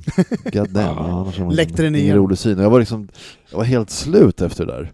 Så när vi väl landar, så jag liksom, de kör ut mig i rullstol. Oj. Eh, och jag har någon polare som hämtar upp mig på flygplatsen och de tror att jag typ har brutit benen och sådär. Men jag bara, jag bara kräktes. Jag tänker på den här, det tyckte jag var jätteroligt när jag såg Mr Bean-filmen när jag var liten och han Det är någon unge som spyr på planet och han poppar eh, påsen Ja med just det. spya ovanför Ja. någons huvud. Mm. Det minns jag att jag tyckte var jätteskoj. Det var kul när man var liten så att säga. Ja, exakt. Vi kanske inte ska köra den Nej. på någon stand. Alright, uh, Agge, ska man följa dig någonstans? Instagram? Eller ska man följa podden någonstans? Ja, uppfölj podden att Paso Pesetas podcast på Insta och eh, ja, ni kan väl följa mig också. At Quantum Soup 420 om ni kan stava till det. Uh, Själv The då? Ginger, Yes. dra igenom alla pluggrundor nu. Börja med Insta till dina projekt. Ja, det, är, det mesta är typ I love the ginger. Så här, Facebook, I love the ginger, soundcloud.com slash I love the ginger. Sen så har jag en hemsida, det är kanske det enklaste, bara theginger.se. Där Nice. finns det ju musik och videoklipp och den är ju roligare. Har du något? Och där så hittar man till liksom Svartskallen och liksom... Nej, inte till Svartskallen. Där, eh, svartskallen, där får man söka på Svartskallen på, på Spotify. Men han har ju inte så mycket, ja han finns väl på Insta också kanske. Eh, men Spotify där och sen så... Svår adress att att liksom uh, claima. Ja, det är ju så här, vi har ju, det är ju också en, en textrad i en låt, vi bara, vi bara 'Jag är svartskallen' Det är jävligt skönt att liksom stå på scen och bara gorma ut det där. Ja. Provocerande. jag, är- jag är ju väldigt vit liksom. Ja. Men vad sa du om? Nej, jag, Skönt att... nej, pluggrunda liksom. Jag, jag sa att det var eh, svårt att liksom claima den grejen och hitta rätt Ja men på internet här, när man, man man skriver... pratar om det på tunnelbanan så bara ja men nej jag ska spela med Svartskallen här imorgon. Så man tänker sig om Eh, folk lyssnar på det hur de ska agera men ja, han är ju själv från Iran. Halva vagnen bara yes! Petersson har för fan lyckats nu alltså. nu, nu kan vi äntligen snacka öppet om det. Exakt. Jag har en fråga till. Ja. Eh, känner du till bandet Brian Jonestown Massacre? Ja, alltså det ringer en klocka men inte så att jag Nej, okej, kan det är inget låt med lyssna dem. på. Nej. Nej, de ska jag se nästa vecka i alla fall. Jag pluggar för Vart det. spelar de? Ja, fan är det? Jag tror att det är Debaser på Medis kanske. Inte Eller säker. Debaser Strand kanske? Strand för kanske. Debaser Medis är ju ganska stängt Just för det, tillfället. de håller på att renovera. Ja men då jag är har det på lite strand. inside-information på den biten. Då är det men, på eh, strand. Mm. Så vad fan, det ska, jag, inte fel det ska jag gå och se på nästa vecka och... Vad kul, det är ditt favoritband, eller hur? Ja, ett Mm. av dem i alla fall. Ja, nice. Fett. Ja men precis, November Stories, nu blir jag så här, har vi .net eller är det .com eller vad fan det är? Ja jag vet, jag är lite osäker. Googla på November Stories i alla fall. Ja men exakt, Mm. det, är, ja, men det är nice tycker jag också. Den musiken. Något uppkommande Och sen så gig. Ain't No Goes, ja alltså vi har ju en, en svartklubb eh, den 5 oktober där jag spelar djembe då på det här DAB-projektet. Ehm, då får man söka på Ape Nation eh, hashtag 2 eftersom det är andra gången vi har det. Right. Det kommer bli jävligt nice. Bara en, det är som en fet hemmafest med bra PA, eh, dub, jungle, drum and bass. Bara sköna människor, grym musik. Eh, Det låter ja. ju asnice. Nice. Ja. Fett, fett. Ansiktsmålningar, UV-lampor. Gonna be Grymt. lovely. Skicka invite på Facebook. Ja, jag ska, ja, absolut. Jag kan eh, skicka en länk och sådär. Det är 5 oktober så att det är nästan precis två veckor. Gött.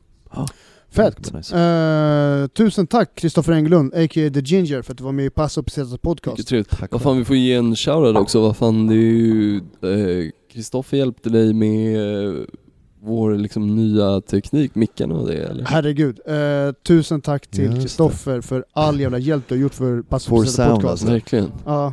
Eh, Jag måste fan eh, gratulera min eh, syrra idag också. Hon fyller faktiskt 50 år idag. Sweet. Grattis till The Gingers syrra. Precis. Hon fyller 50 år. Caroline. Stort grattis. Stort grattis. Det fest på lördag. Eh, Så big up till eh, Kristoffer på Forsound. Yes.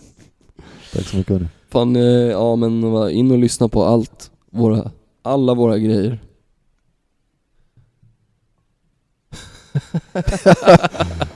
Och med de orden sagda så kickar vi ut den här skiten. Ja, Precis.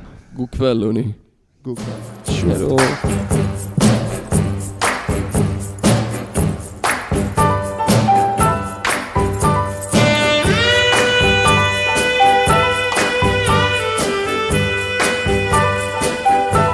As Pesetas Podcast.